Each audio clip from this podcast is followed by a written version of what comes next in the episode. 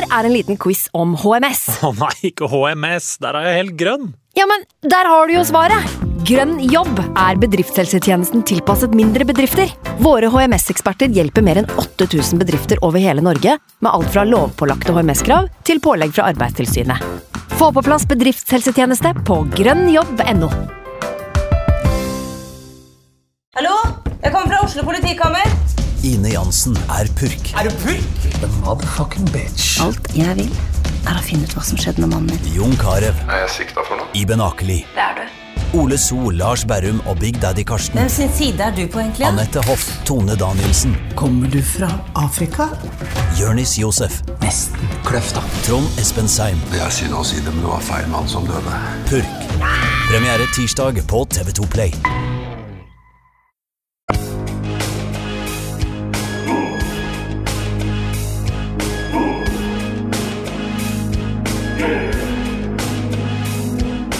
Sekstiniende. Den sekstiniende. Den sekstiniende.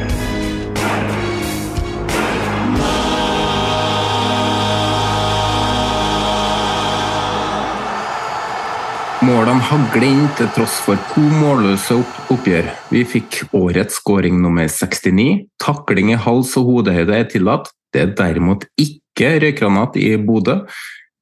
Et skadeskutt Glimt gikk på poengtap hjemme mot Brann etter å røke ut av cupen i fjor.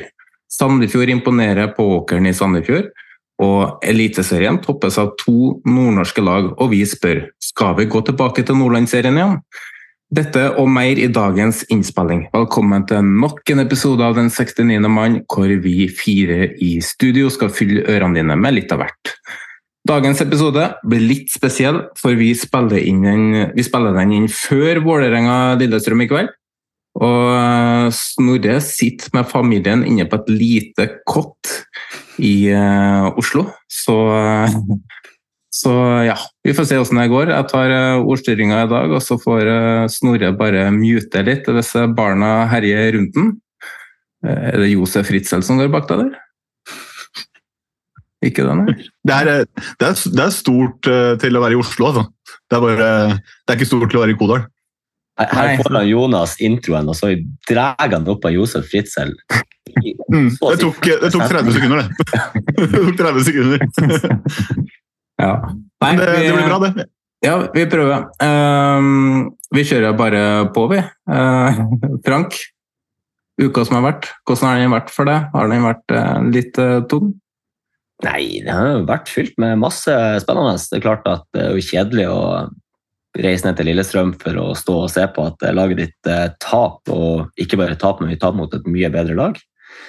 Eh, Så var det jo da Brann hjemme her på lørdag, og ja, så, som alltid så er nå eh, ute og drikker med gutta før kamp og kom seg på stadion og ser egentlig et Brannlag som ser mye mer tent ut enn Glimt. og Heldigvis så snur det i andre omgang, og ut og drikker seg litt for full på lørdagsnatta i lag med både Glimt-supportere og Brann-supportere. God stemning og ja. Mm. Snorre, du hadde ikke så mye å tilføye, da?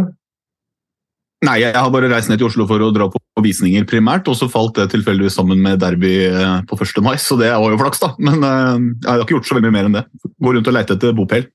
Ja. Lenge til å flytte? Det blir jo i løpet av sommeren, da. Så det blir eh, farvel Trondheim. En siste kamp på Lerkendal, en siste mulighet for gutta til å få med seg noe mer enn en uavgjort. Så, men i den formen det er nå, så er ikke forhåpningene sånn superhøye for at, det, at man får med seg tre poeng i den siste kampen som Trondheimsbor. Men eh, ja, ja, vi får se. For meg har det ikke skjedd så mye spennende, da. men uh, vi spilte uh, kamp i fjerdedivisjon med Sandefjord ballklubb uh, på torsdag som jeg tenkte jeg måtte dra litt fram, for der uh, skjedde det litt av hvert.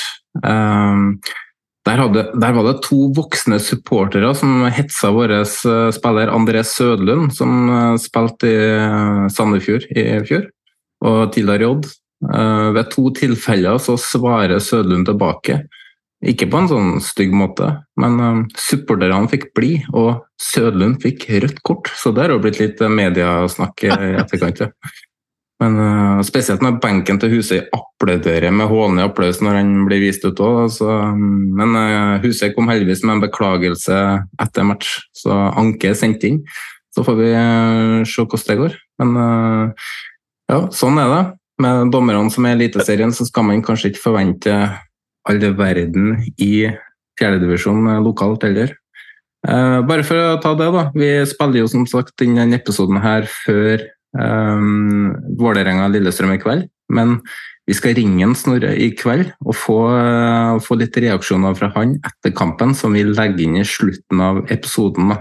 Så Vi har jo kåra rundens lag og vi har satt opp stjerner, men det kan bli endringer da, hvis uh, ja, Lillestrøm gjør som forventa. Er det lov å si, Snorre?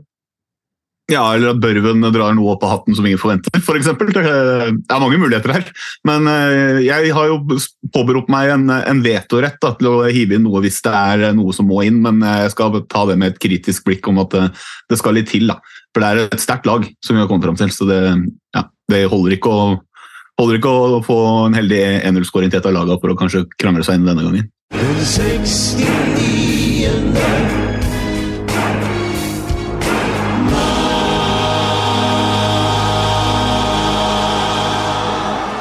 For mange er det vanskelig tid økonomisk. Det er høye renter, høye priser på dagligvare, svindyr strøm og drivstoff. Og hvorfor ikke si at det er muligheter for å få ned kostnadene? Det gjorde jeg, og jeg flytta alle mine forsikringer til Water Circles forsikring. I dag betaler jeg bortimot 1500 mindre per uh, i måned i forsikring. Og ønsker du bedre forsikring, ring opp Water Circles på 934 72062 og be om pristilbud. Bruk vår rabattkode 69 og få rabatt. Jeg gjentar nummeret 93472062. Vi har med oss en eh, gjest i dag. Frank, kan ikke du introdusere dagens gjest? Jo da, jeg tror jo at dagens gjest er kanskje ikke så ukjent for, eh, for så mange. For han eh, er jo da med i en eh, annen podkast om norsk fotball. Han har eller mastergrad i synsing. Hjertelig velkommen til oss, Meran Marandi. Tusen takk for det. Tusen takk for det. Det er hyggelig å være her. Veldig hyggelig å være her. Kan ikke du bare raskt fortelle lytterne våre om hvem, hvem du er? Det kan jeg. Jeg er uh, Meran, som sagt, fra, fra Synseligaen. Eh, 31 år, bor i Drammen. Og um, ja, har mastergrad i synsing. Vi har jo holdt på ganske lenge, da. Uh, uh, fire år nå i podkastverdenen. Så er jeg Stabæk-supporter og prater veldig mye om, om Stabæk i Synseligaen. Og, og generelt litt om andre lag òg, da.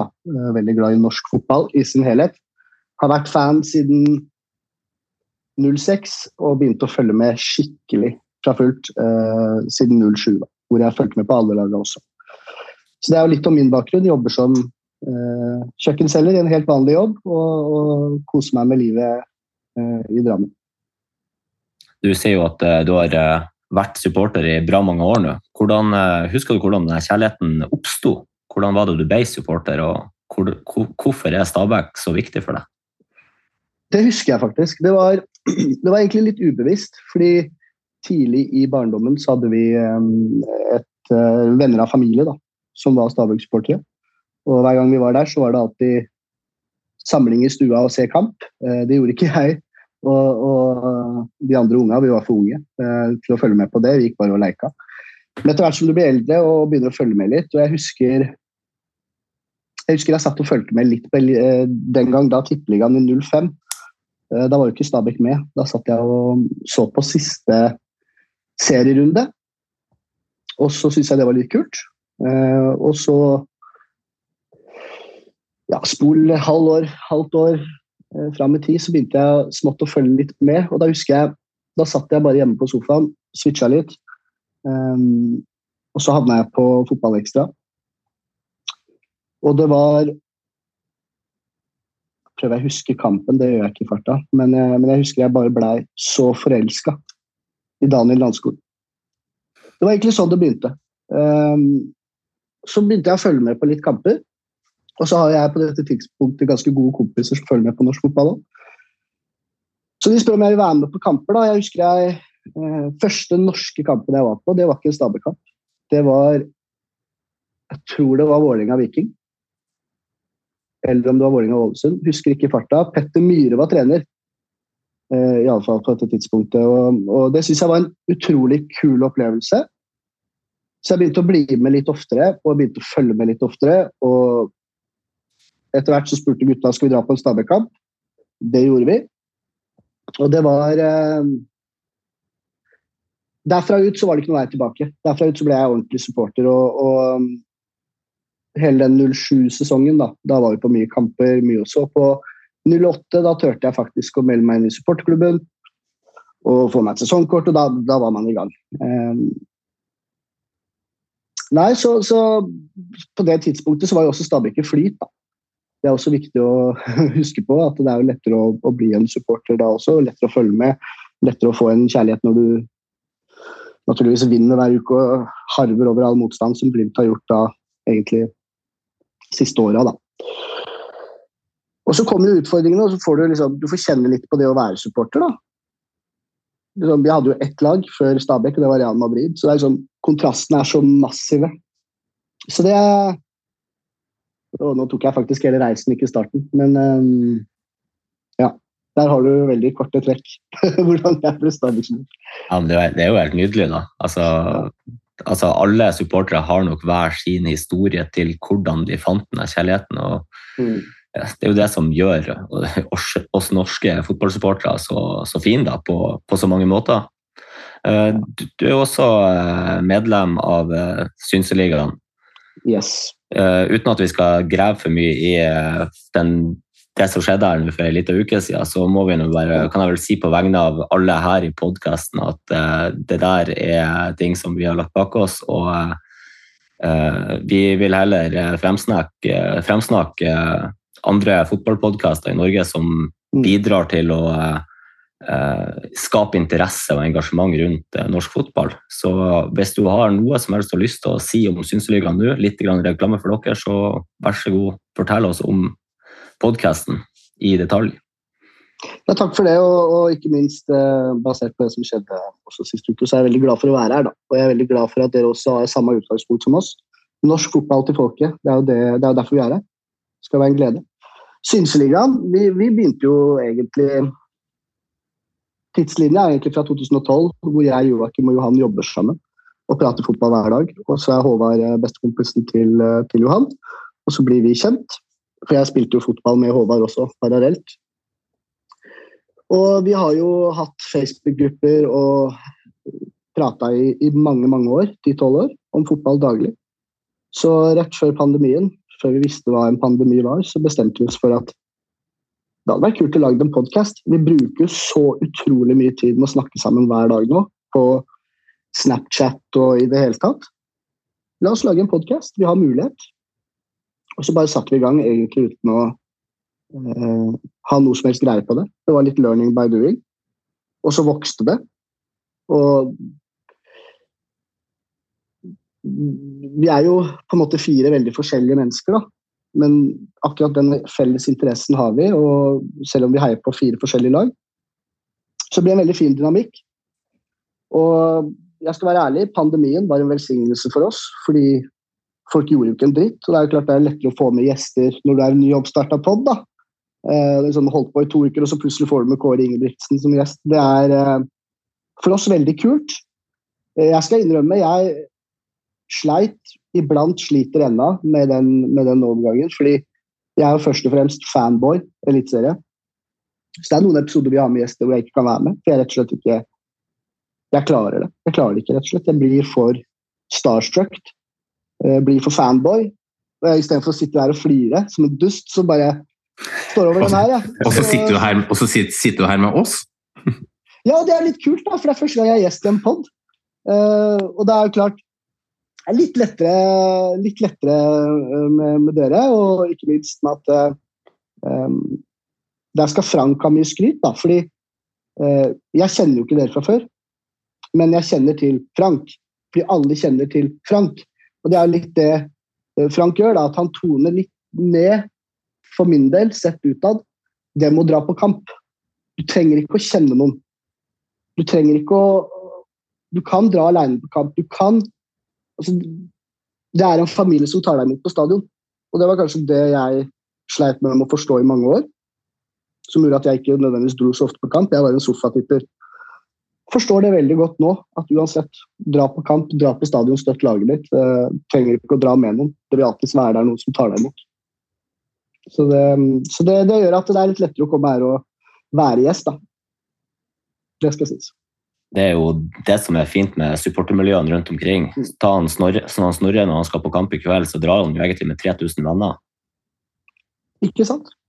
Og jeg ender faktisk kanskje opp med å dra fordi Jeg trodde søstera mi hun også sesongkort på blokka, men jeg fikk kontrabeskjed om at du skulle sitte med noen venner som skulle, ville sitte på langsida, så ordna billett der. Så jeg har ja, det er meg, da, men jeg har ikke noen kvaler mot å dra for det. om det. sånn, Jeg finner jo noen å prate med, eller et kjent fjes, eller et eller annet. Hvis ikke, så spiller det ikke noen rolle, for jeg skal jo se kampen og synge uansett. Så det, liksom, det ordner seg, det. Har du noe mer, Frank? Nei, vi kan bevege oss videre. Du ville vel ha ukas, eh, eller runden snakkes eh, tidlig i programmet, så skal vi bevege oss dit? Ja, vi har jo eh, Det, det er mange snakkiser å velge av etter denne runden her. Det er mye som skjedde. Men vi har valgt å bevege oss til det som skjedde på lørdag, vi, oppe i Bodø. En røykgranat sørga for at en supporter ble lagt i jern, og flere Glimt-supportere valgte å forlate stadion. Frank, du var der. Eh, du fikk kanskje ikke med deg så mye, men du har jo snakka med folk etterpå. Hva er det som skjedde? Nei, det som uh, har skjedd, er, her er jo på motsatt side av supporterfeltet. Så er det jo da en kall det en ensom ulv da, som har tatt opp en røykgranat ved innmarsj til kamp. Fyra der står, altså Videobildene viser jo han står ganske rolig, uforstyrra, ikke noe ikke noe sånn eh, aggressiv tone på det. noe som helst. Han står bare og veiver litt med den røyken, og det blåser utover. Eh, ja, eh, det som skjer da, er jo da at vedkommende blir lagt i hjernen av politiet og ført ut av stadion. Så har jeg ikke så veldig mye mer info om vedkommende annet enn det. Men som du også nevnte, fra supporterfeltet, når vi får vite om det her i pausen, så velger jo da større deler av ultrasgrupperinga vår å forlate. og På dette tidspunktet så vet ikke jeg om denne saken. Jeg ser at de guttene går, men eh, jeg tenker som så at de skal sikkert bare ut og ta seg pils på butikken som ligger rett rundt hjørnet, for det gjør vi ofte i pausene når det er lørdagskamper. Ja, men det begynner jo Det er jo ikke første gangen noe sånt skjer på Aspmyra. og Det blir, i hvert fall på Twitter, ofte snakka om at uh, nå må vi få til dialog, og nå må, må supportere og klubb snakke sammen. Skjer det egentlig noe på den fronten? Nei, altså jeg, jeg, begynner, jeg, begynner, egentlig bare å bli helt uh, matt av det. Fordi at uh, det jeg, jeg, tror, på dem, uh, Glimt-ledelsen, når de sier at de skal i dialog med supportledelse osv. Og, så og det er nok møter, men jeg oppfatter det fra supportersida igjen at det er mye mer monolog enn dialog. Det er mer sånn sånn her er reglene, hør etter, sånn skal det være. Vi er ikke interessert i å høre på hva dere har å si. Jeg føler at det er en enveis kommunikasjon, og at alle andre har bare med å irettefinne seg til det klubben sier at sånn skal det være. Mera? Men det, det, det, går jo ikke an. Altså, her, her, må man ha bedre dialog, for det er jo dialog det går på. Altså, det er jo ikke, Jeg, jeg syns navnet røykbombe også høres litt ekstremt ut. Altså det, det, er en gul sky som kommer ut av en hermetikkboks. Det er ikke noe bluss. Det er ikke noe, det er ikke noe farlig i den forstand. Uh, hadde han vært oppført seg gale, Mathias, kunne jeg forstått det, men det er ingen grunn til å dra noen ut, putte dem i håndjern og ta dem av gårde. Her kunne man fint løst det på en annen måte òg. Så er spørsmålet hvorfor politiet gjør dette her. Uh, de gjør det ikke på måfå, tror jeg. Jeg tror det er tydelig beskjed fra klubben nå. og det Dialog tror jeg er ekstremt viktig, sånn at det ikke blir mye synsing rundt det. Jeg tror, det er, tror, folk må sette seg på bordet. Supporterleder i Bodø, eller i Bodø-Glimt. Eh, og ikke minst daglig leder. Her, her må, må ikke bare prate om det, her må du faktisk sette seg ned. Bare trappe opp på brakka med en gang. Nora? Ja, for det, det er det som gjør det litt spesielt, det her. At det er politiet som legger en mann i jern. Eh, hadde det vært vektere som hadde henvist til stadionreglementet om at du må forlate stadion, bedt om å gå på en på en måte. Så, ja, det, er ikke, det, er ikke, bra det heller fra et supporterperspektiv, kanskje, men det er nå i hvert fall en ryddere måte å gjøre det på. Men det er jo overkill å legge noen i jern. Og det som jeg legger merke til, er jo at det blir poengtert at det blir brukt røykgranater før match utenfor stadion. Og ingen blir lagt i hæren av det samme politiet. Så det er jo et eller annet der som ikke liksom henger på greip, som er en veldig, veldig rar beskjed. da. Eh, så kan man mene hva man vil om pyro, og man kan være for eller imot. og regelverket er som det er på Aspmyr osv., men det er jo det der, å legge i håndjern som det blir så mye det er jo, eh, For meg blir det maktmisbruk av politiet, og forhåpentligvis eh, så skjer ikke det igjen. Men det, det er ikke pent, nei. Nå vet ikke vi hvordan eh, reaksjonene var, om det var en konflikt mellom eh, den personen og politiet. Det, det har ikke jeg hørt noe om, i hvert fall. Så eh, det kan jo hende at det har eskalert. Men ut fra det vi har hørt, hvert fall, så høres det jo merkelig ut. Men jeg har jo aldri vært i nærheten, umiddelbar nærhet hvert fall, av bluss og røykgranat. En røykgranat, blir den varm, og er den brannfarlig? Frank? Den blir jo bitte litt varm, men det er jo ikke snakk om at det er noe Det er ikke i nærheten av et pluss, liksom. Den produserer jo bare røyk. Det er jo bare en reaksjon inni der som produserer røyken. Man kan jo holde den. Ja, det er ja. ikke det det er, sånn, den er ikke... feltet, men den er, den er jo ikke noe som blir å brenne deg. Mm. Noe som er mer å tilføye på Uka snakkes? Ja, så bare si det der, akkurat det der, Den er jo ikke noe varm. Eh, hvis 200 personer holder en lighter oppå og tenner den på, så er det mer farlig eh, det, med tanke på at en flamme kan blåse og sette fyr på jakka di eller skjerfet eller whatever. Så jeg, jeg, jeg, klarer ikke helt å uh, se farligheten med det, så lenge det gjøres på en uh, ordentlig måte. Da. Jeg mistenker at det er politikonstabel uh, Søring-Lars Bohin som har uh, hatt en finger med spillet her. Fra påskekrimen vår. Så vi, en beskjed til deg, Søring, uh, politikonstabel Søring-Lars. Det her kan ikke skje igjen, altså. Gjør det på en annen måte.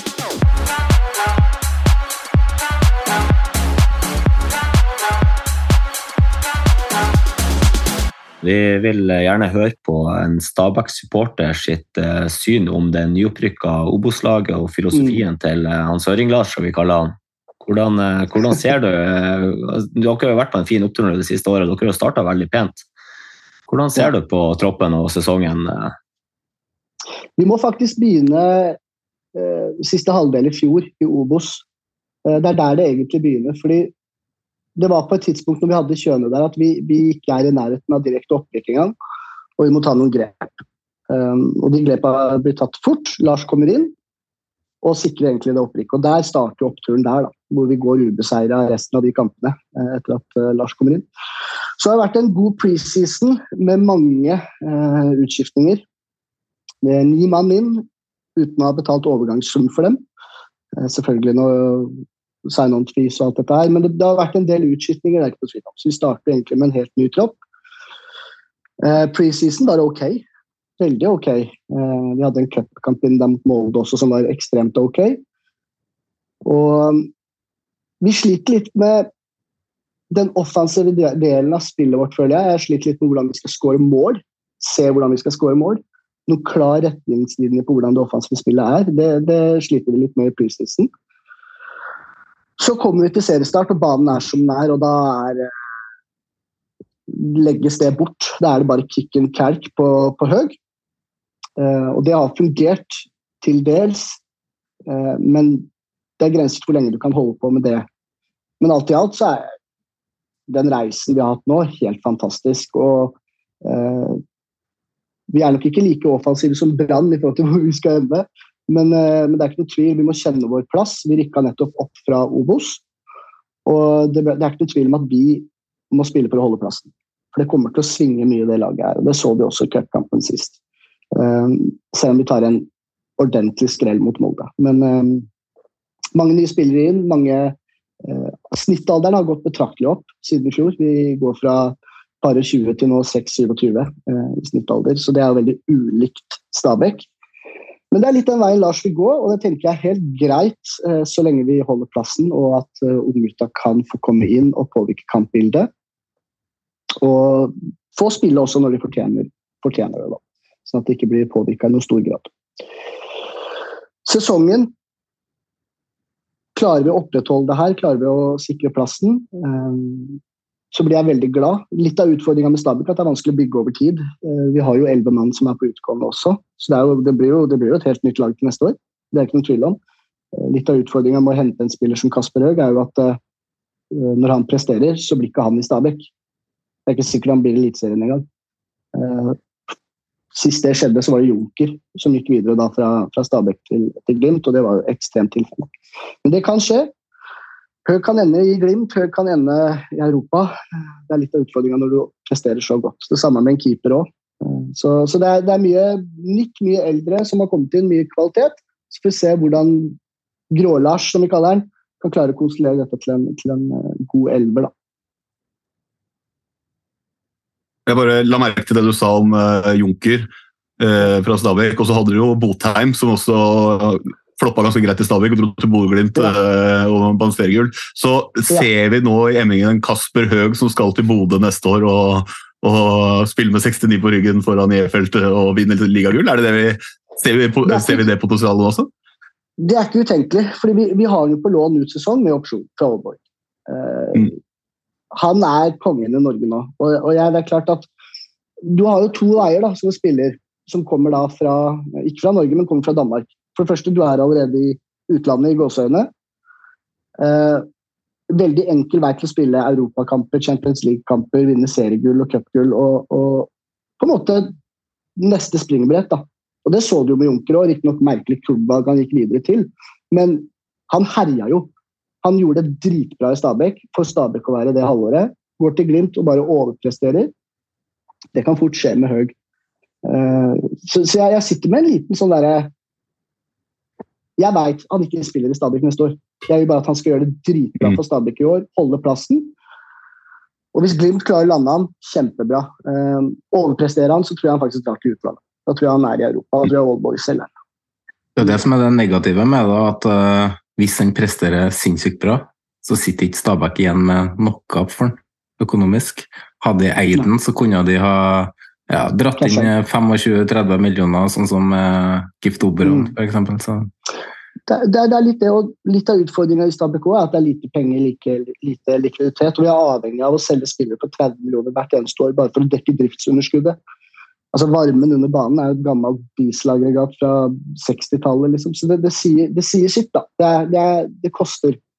Det koster. Vi er avhengig av salg, men også når du da trenger å hente ni mann, så har du ikke penger til det. Da må du, da må du låne. Uh, av alle disse ni uh, spillerne vi henta, så er det én vi henta på en toårskontrakt. og Det er uh, vår tyske wingback Pakonik. resten er på ettårskontrakter og lån og ut sesongen nå når du er inne på uh, akkurat det her med baner, vi må jo snakke mm. om uh, Nadderud-forfatninga av denne banen. Hva du kan ja. si om det, egentlig? Jeg kan si alt. Altså, det er jo ikke noe nytt. Dette skjer hvert år. Um, den banen er aldri klar til sesongstart. Og så kan man si veldig mye om hva man gjør med den. Vi supportere er litt todelt, for mange tror jo på at den faktisk gjør mye med den og bruker mye penger på den. Ja, bruker mye penger på den, for den undervarmen er dritdyr. Men hva vi har gjort rent spesifikt med banen, svært lite. Vi tok av duken et par dager før kamp uh, omtrent, og det var mye snø. og Jeg føler det kunne, kunne, vært håndtert vesentlig bedre. Men uansett om vi hadde begynt i mars eller februar, den banen hadde ikke vært klar nå. Og det sås nå, for nå skal det spilles, eller nå er det to uker uten noen kamp der. Så det skal sås på nytt i håp om å prøve å redde inn noe. Um, banen er ikke bra, det ser vi. Men den er nok ikke så ille som Sandefjord sin. Rett og slett fordi at cupkampen mot Brann, så spiller Brann ja, De spiller oss ut av hele banen. De triller ball, de, de pisser på oss egentlig, hvor vi står og kikker og kelker. Uh, så, så, det går jo an å spille på den. Den blir bedre ukentlig, selv om den er svak. Det, det, det er sand der, og det er spraylakka og Det er ikke verdig for Eliteserien, det er ikke noe tvil om det. Og så skjønner jeg at det kommer som en fattig klubb, så bruker du ikke midlene dine i banen. Da bruker du de pengene på å lønne Kasper Haug. Det hjelper jo heller ikke at det er to lag som eh, spiller kamper på den. Og så at du har hatt uh, cupkamp i tillegg. Så det er jo ja, det, det er jo altfor mye aktivitet på banen i forhold til hva det burde ha vært nå. Se på Lerkendal, som brukes én gang hver 14. dag. Uh, I Sandefjord så brukes den én gang hver 14. dag, og så har du Stabæk i siste, så har den blitt, blitt brukt to ganger i uka omtrent. Så det er det, og det er litt av utfordringa, for vi har jo ikke noe godkjent bane utenom Nadderud. Det er så vidt den er godkjent, ikke sant. Så, og du kan ikke bare si nei, damelaget, nå skal dere spille et annet sted. Det kan du ikke gjøre som en klubb. Eh, da blir det ramaskrik. Og, det, er, det er ikke Stabæk verdig som klubb heller. Selvfølgelig skal begge A-lagene få lov til å spille på den banen. Men det de har gjort helt spesifikt nå til neste år, det er at det blir bytta. Det blir kunstgress neste år. Så får vi se hvordan de nye EU-reglene om det fucker opp for det. Men, men, jeg tror nok det vil hjelpe å få kunstgress der, altså. Eh, selv om det er synd. Vi elsker naturgress og burde ha eh, naturgress selvfølgelig der det lar seg gjøre av naturgress. Men det er noe med at det er et ansvar og kostnad du må ha for å opprettholde det òg. Eh, det har ikke Stabæk som klubb per nå. Så da tror jeg det er bedre å bare legge om til kunstgress fram til en, en ny stadion eventuelt kommer. da. Tror du at eh, Du nevnte eh, tidligere at spillet offensivt ikke sitter ordentlig ennå. Det har vært mye kelking oppå Høg og Bakenga. Ja. Tror du spillet vil bedre seg med en gang banen kommer i bedre forfatning? Utvilsomt. Jeg så, så du allerede i bortekampen nå. Sier ikke at vi spiller ball i hatt mot Molde, men vi spiller. Vi er med. Vi forsvarer oss godt. Og så tar vi de overgangene vi skal ta. Og ikke nødvendigvis bare kick and kalk, som vi gjorde mot Brann, altså bare kampen før, mot Brann. Der, der kommer vi uten noe som helst plan, føler jeg. Um, der, vi, der, der, står én mann alene på topp, det er Høg, som er dritgod, sterk som en bjørn, men han kan ikke alene ta ned ballen, vende opp, drille av fire mann og skåre. Det går ikke. Så mot Molde så la vi om litt, utvilsomt pga. banen. Så jeg håper vi etter hvert vil se, se en bedring spillmessig og et mer spillende lag.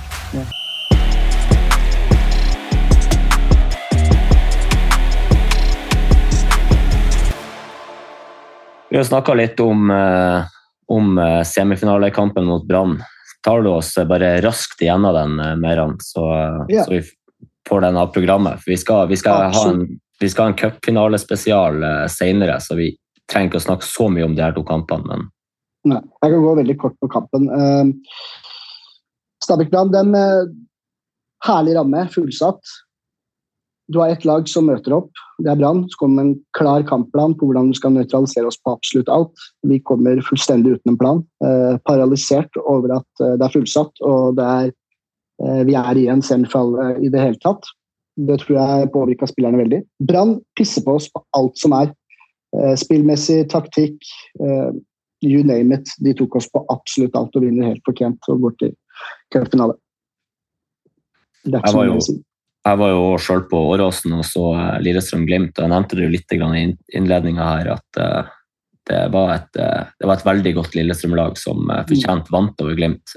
Glimt virka litt fantasiløs mot Lillestrøm til tider. De ble de, de, vant ikke den viktige kampen på midtbanen, og forsvaret til Lillestrøm eh, hadde stålkontroll på angrepet til Glimt. så jeg, føler vel at Hvis vi skal oppsummere, så er det vel to fortjente lag som gikk til finalen etter eh, onsdagens kamper.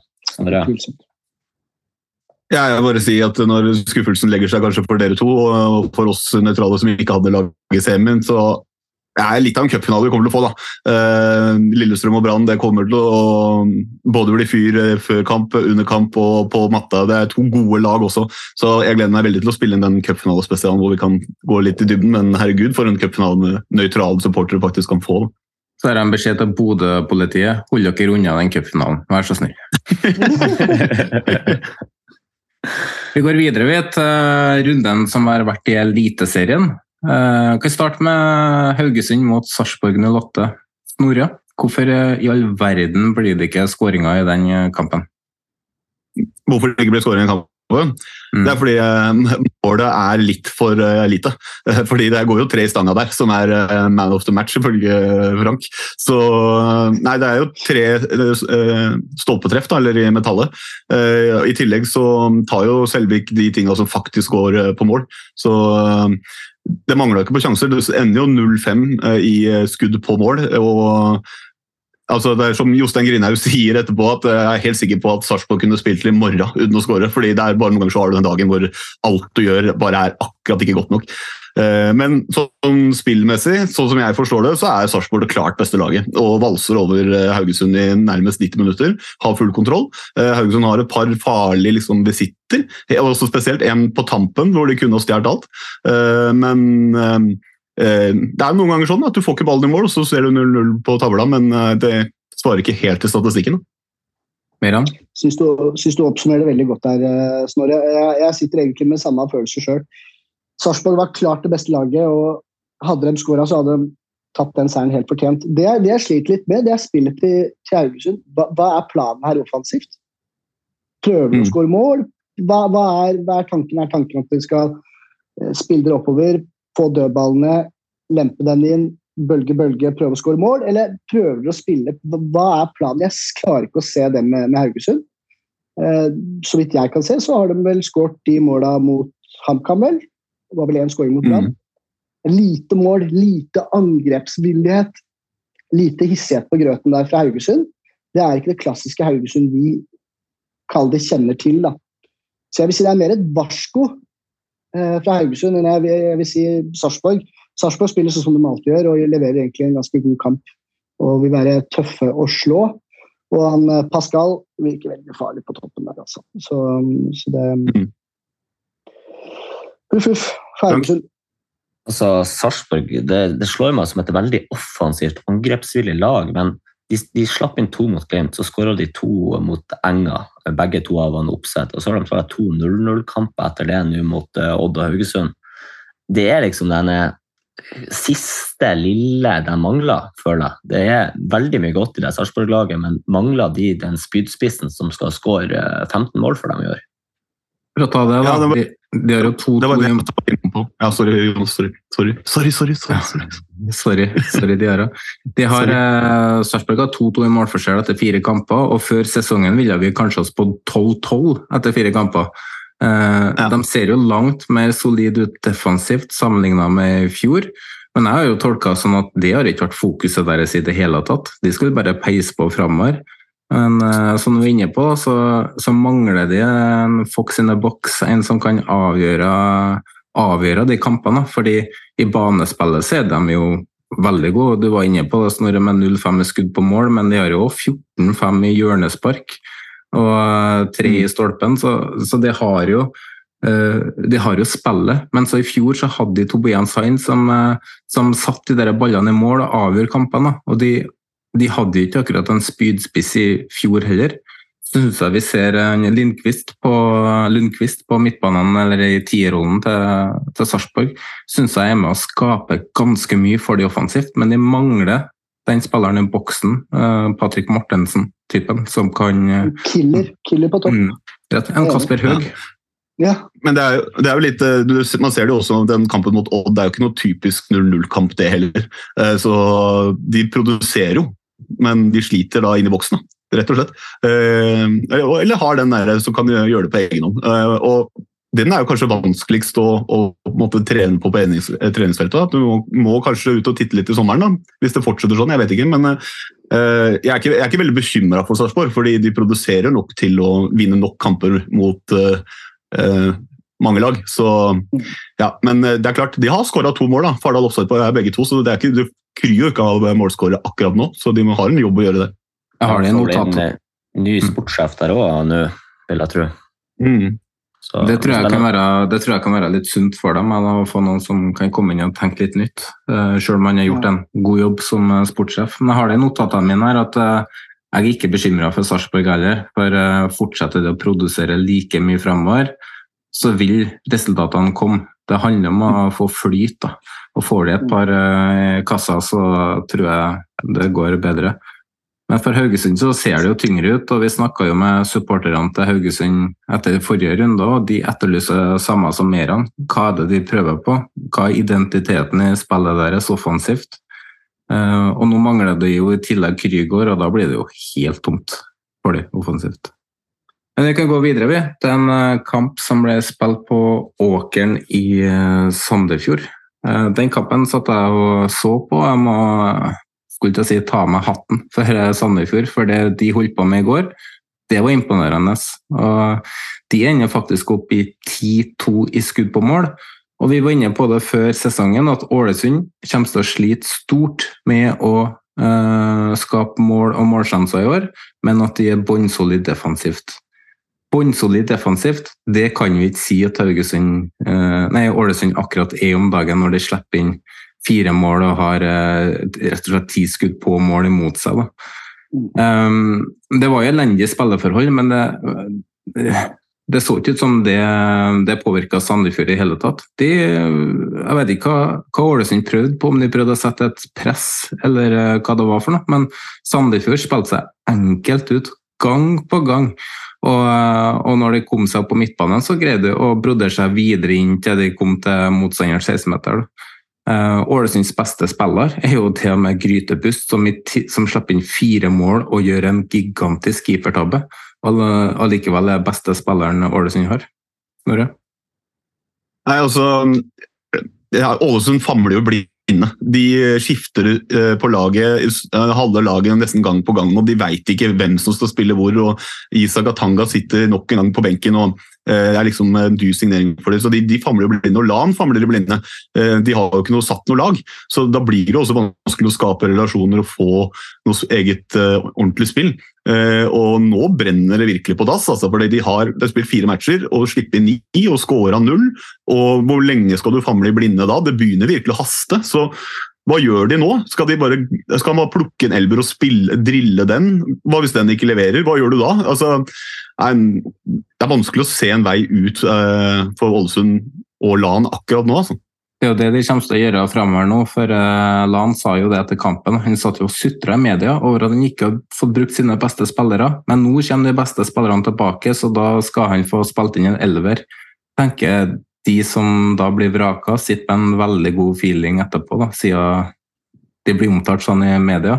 Men vi, vi er nødt til å trekke fram uh, Sandefjord uh, sin prestasjon også, for um, identiteten de har i spillet sitt. Det, det var, selv om det var elendige spilleforhold, så var det en utrolig morsom kamp å se på.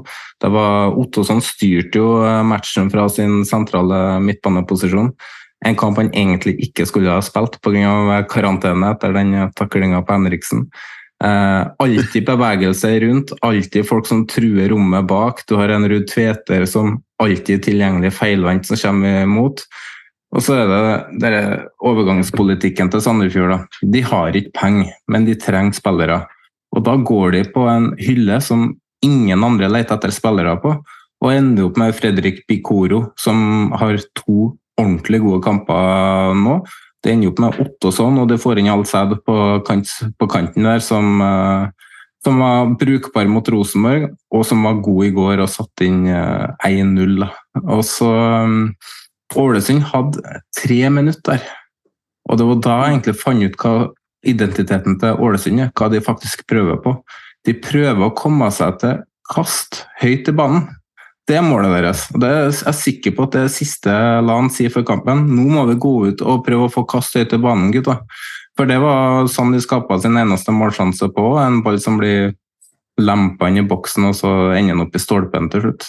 Um, høres ut som en Stoke-supporters våte drøm, eh, Snorre.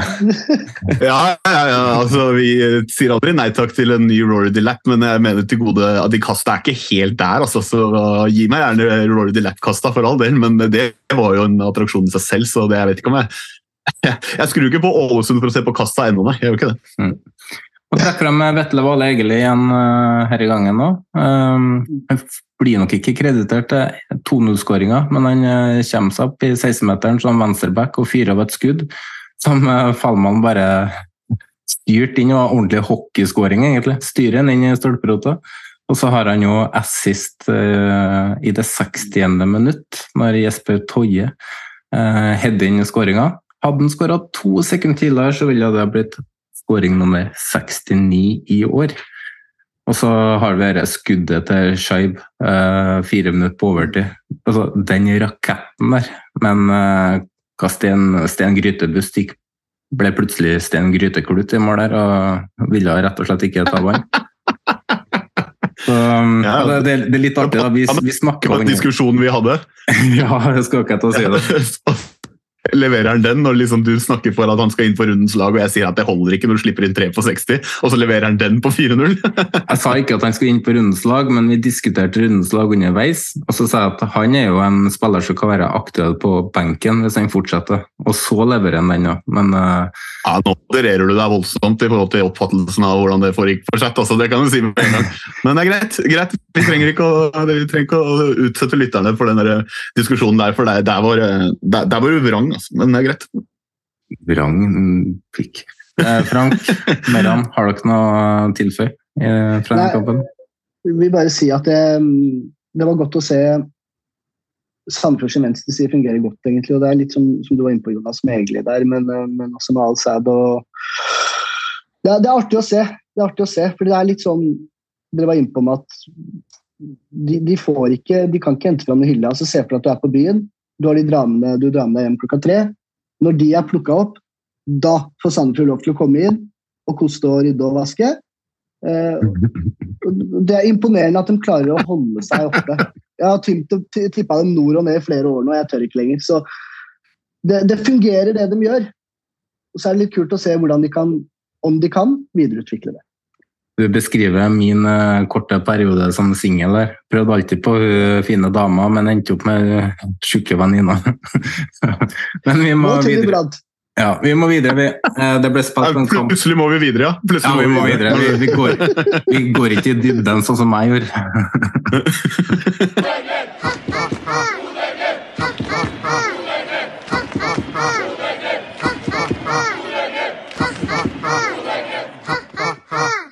Frank, det var en eh, kamp på lørdag. Propagandafotball har jeg beskrevet det som. Du var der. Hvordan var opplevelsen fra stadion? Ja, Det var en frustrerende førsteomgang, fordi det var et brannlag som var skikkelig god. Det var altså Sivert Heltne Nilsen han er undersnakka. Dæven for en spiller han er, altså. Og Brann styrte førsteomgang fullstendig. Og så endra kampen litt grann karakter. Jeg skal ikke si at det var i innbyttet til Vettlesen, for Brann skåra jo 2-0 30 sekunder etterpå. Men at Vettlesen kommer inn med energi til Glimt, så i hvert fall når man kommer ut til andre omgang, så er det et annet Glimt-lag som, eh, som, er på banen da. Eh, så det er, en, det er, en, kamp med to omganger, rett og slett. Eh, Brann har soleklar første omgang, Glimt har andre omgang. Så står Glimt og stanger og stanger, og så er det den nesa Pellegrino har for å skåre mål. da. Der eh, setter han eh, to kasser mot slutten. Den ene kommer vel i 93., hvis jeg ikke husker feil. For Pellegrino Så, sleit egentlig under hele kampen? Men. Pellegrino hadde ikke en god kamp, da han ikke, men han har jo den her egenskapen å bare være på rett plass til rett tid og den avslutningsferdigheten å bare få ballen i mål. Det er jo på mange måter sånn unik i Norge akkurat der. Det er andre spillere som skårer mye mål, det er fordi at de, de, de skårer rett og slett eh, andre mål. rett og slett. Pellegrino gjør noe eget. Vet du hvem han minner meg om? Mm. Harald Martin Brattbakk. Bortsett fra at han har litt mer spektak spektakulære skåringer. Da. Men uh, det å være der ballen detter ned, det er en egenskap, det òg. En ferdighet. Og det, det, er en undervurdert egenskapen egenskap for en angrepsspiller. Det å bare mm. kunne være på rett plass til rett tid. Det, der er Pellegrino er nummer én i Norge, sånn som ting er nå, i hvert fall. Men det jeg lurer på, Frank eh, som starter på benken og kommer inn og er jo en stor bidragsyter til at Glimt i det hele tatt kommer tilbake. Eh, hvorfor starter han ikke? Altså, var han ikke klarert, eller hva var greia der? Fordi han virka jo pigg. Han eh, var klarert. Han trente for fullt eh, torsdag og fredag. Hadde trena eh, alternativt tirsdag og onsdag, men han har jo vært, vettvesenet har vært såpass syk at han har nesten vært, han har vært på randen til å måtte innlegges på sykehus. Så syk har han mm. faktisk vært når han har vært borte nå. og Den sykdommen har egentlig sittet i han siden runde én. Han var syk også borte mot Sarpsborg. Mm. mm. Men nå er han helt frisk og rask, og alt er ok med han. og så Glimt har jo hatt veldig mye sykdom i troppen eh, siden før seriestart. Siden, egentlig siden den, eh, den, kampen mot Molde før seriestart så har Glimt eh, slitt med sykdom. Men i stedet for å legge seg ned og sutre og skal be om utsettelse på kamper, så, videre, så har de stått i det. Og liten sideslag til godset. Ja. Jeg, Ja. Men det gikk vi Sorry, Jonas. Jeg hadde et oppfølgingsspørsmål. Eh, Brann ble jo sammenligna litt med Glimt etter kampen med intervju med KK. Men eh, for de som fulgte med Premier League litt, så syns jeg egentlig at Brann ville minne veldig mye om eh, Liverpool da de var gode. For de tar jo alltid steget fram. De driter i hva som er bak seg, de bare går fram, setter, spill, setter presset og Jo, men det er jo akkurat det, er akkurat det som egentlig er sammenligninga. For at Glimt kan òg på mange måter, når Glimt har vært offensivt, sammenlignes med det Liverpool-laget. Det er spill, det er 4-3-3, og det er offensive backer, og det er fullt ut å kjøre fremover. Altså, jeg syns sammenligninga mellom Brann og Glimt er helt riktig. Brann er 2023-kopien av Bodø-Glimt. mm. Det var i hvert fall en utrolig mm. Unnskyld. Nei, jeg skal bare si jeg er utelukkende enig. og- og du, du ser jo hvordan Brann klarer å ta ut Patrick Berg òg. Og, når du da får finne til å ta ut Patrick Berg, så har du hele midtbanetreeren der som, som allikevel får tid og rom til å forsvare seg, men også diktere spillet. Da. Det er litt som Frank er inne på, hvor undervurdert Sivert Helten Nilsen egentlig er. Eh, Og, og hemmeligheten til å ta ut Brann, det er faktisk midtbanen. Det er Sivert Helten Nilsen. Det, det er ikke noe tvil om. Han har faktisk meldt forfall til neste landsdagssamling han, pga. eget bryllup på Twitter. Snorre?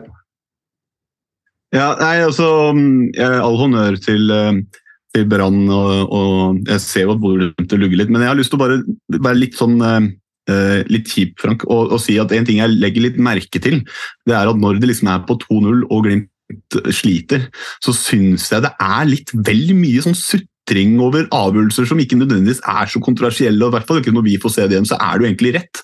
Det er sånn Slår ut med armer og opp i ansiktet på dommer. og jeg lurer litt på sånn, Det er en litt uvant situasjon for mange av de gutta. er vant til at det går litt på skinner, og så møter du et lag som jevner litt ut og frustrerer det litt. og egentlig ja, Det er en frustrerende kamp, da, man får med seg noe, men ja, jeg har bare lyst til å slenge inn der at jeg var ikke så imponert over holdninga før eh, ja, på slutten der når det begynner å bli litt stress. Da. Det blir litt sånn uh, uff, uh, opp i ansiktet på dommer og ja, blokker seg rundt. og Jeg vet ikke om det er noe dere legger merke til på tribunen, men jeg tenkte litt over det. Altså. Det, det virka som at Brann klarte å få Bodø-Glimt litt sure opp.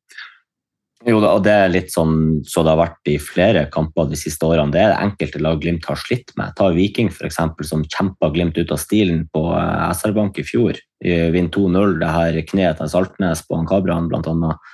Eh, Brann er jo et Altså, mentaliteten Brann kommer inn med i denne kampen her, er, de er mye mer påskrudd enn Glimt i forhold til det å ville vinne duellene. Det er liksom Brann går inn 100% i dueller, Glimt går inn 75 Da vinner de som går inn 100% Den mentaliteten der eh, som er en av de tingene som Glimt ikke er god nok på, da.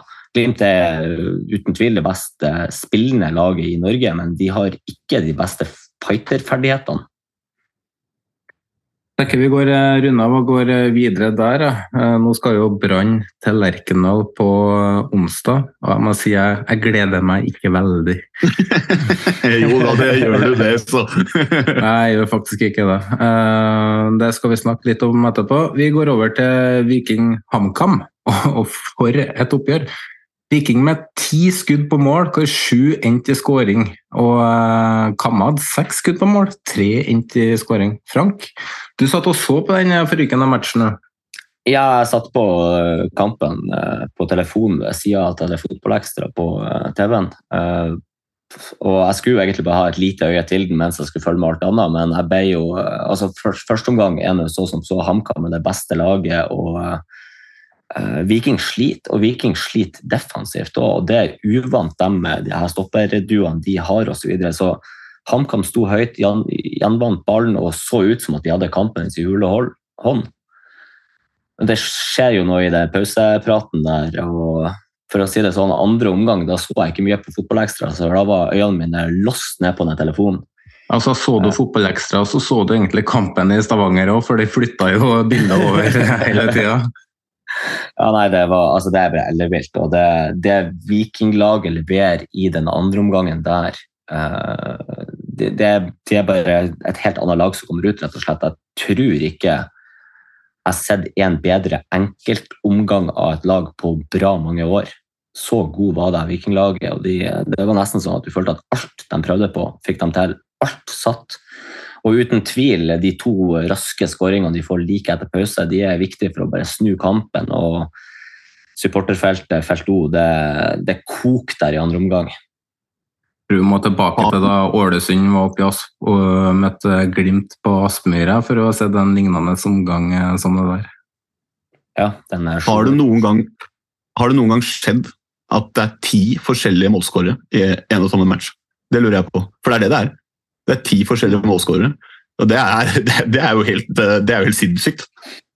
Ja, nei, jeg kan ikke huske noen sånne eksempler før. Det er jo sjelden det blir ti mål i kamper i det hele tatt. Altså, nå har nå Glimt og Viking møttes et par ganger, og det har blitt 5-4 og 5-3. og mm. så hadde vi, Glimt hadde Godset for to år siden der det ble 7-2.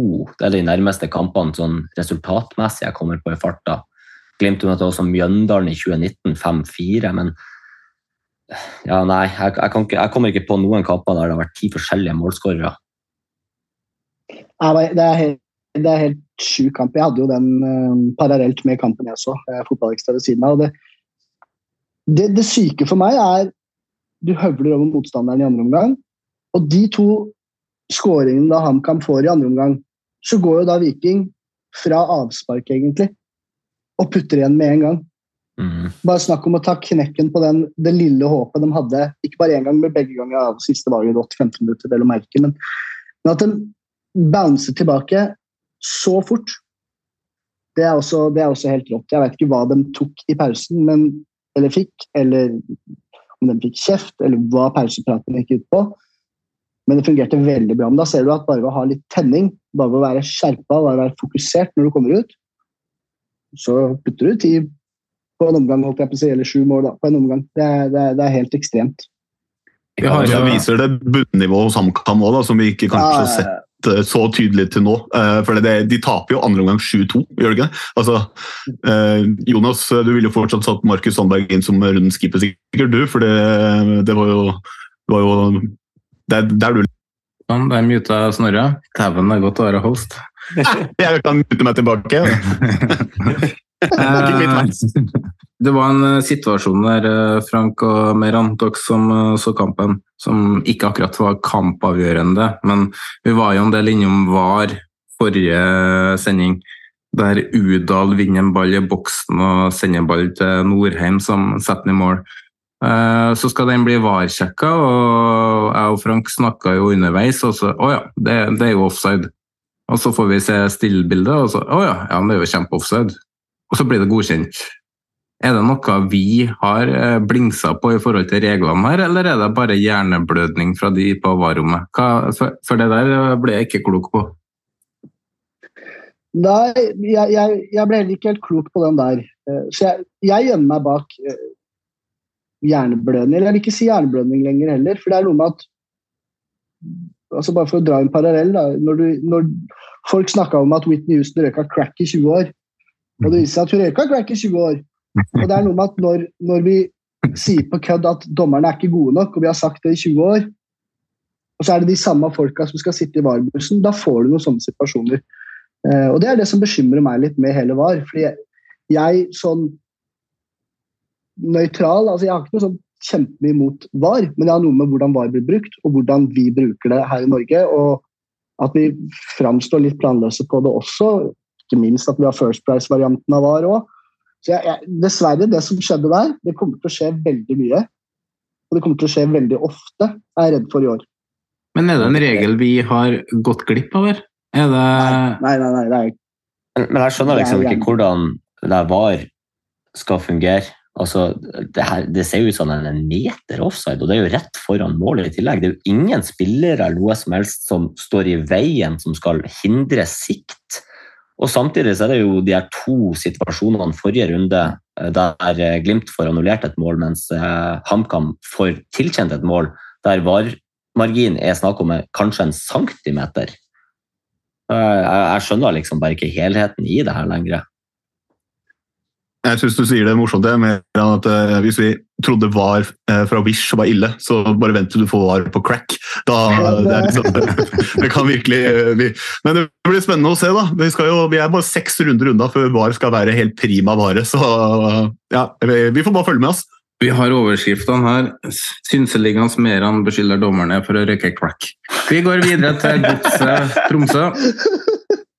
En uh, tight kamp. Uh, Snorre, du uh, kikka litt mer på den matchen, og nå er jo Tromsø oppe på en andreplass på tabellen. Hvordan har de klart å rote seg inn oppi der?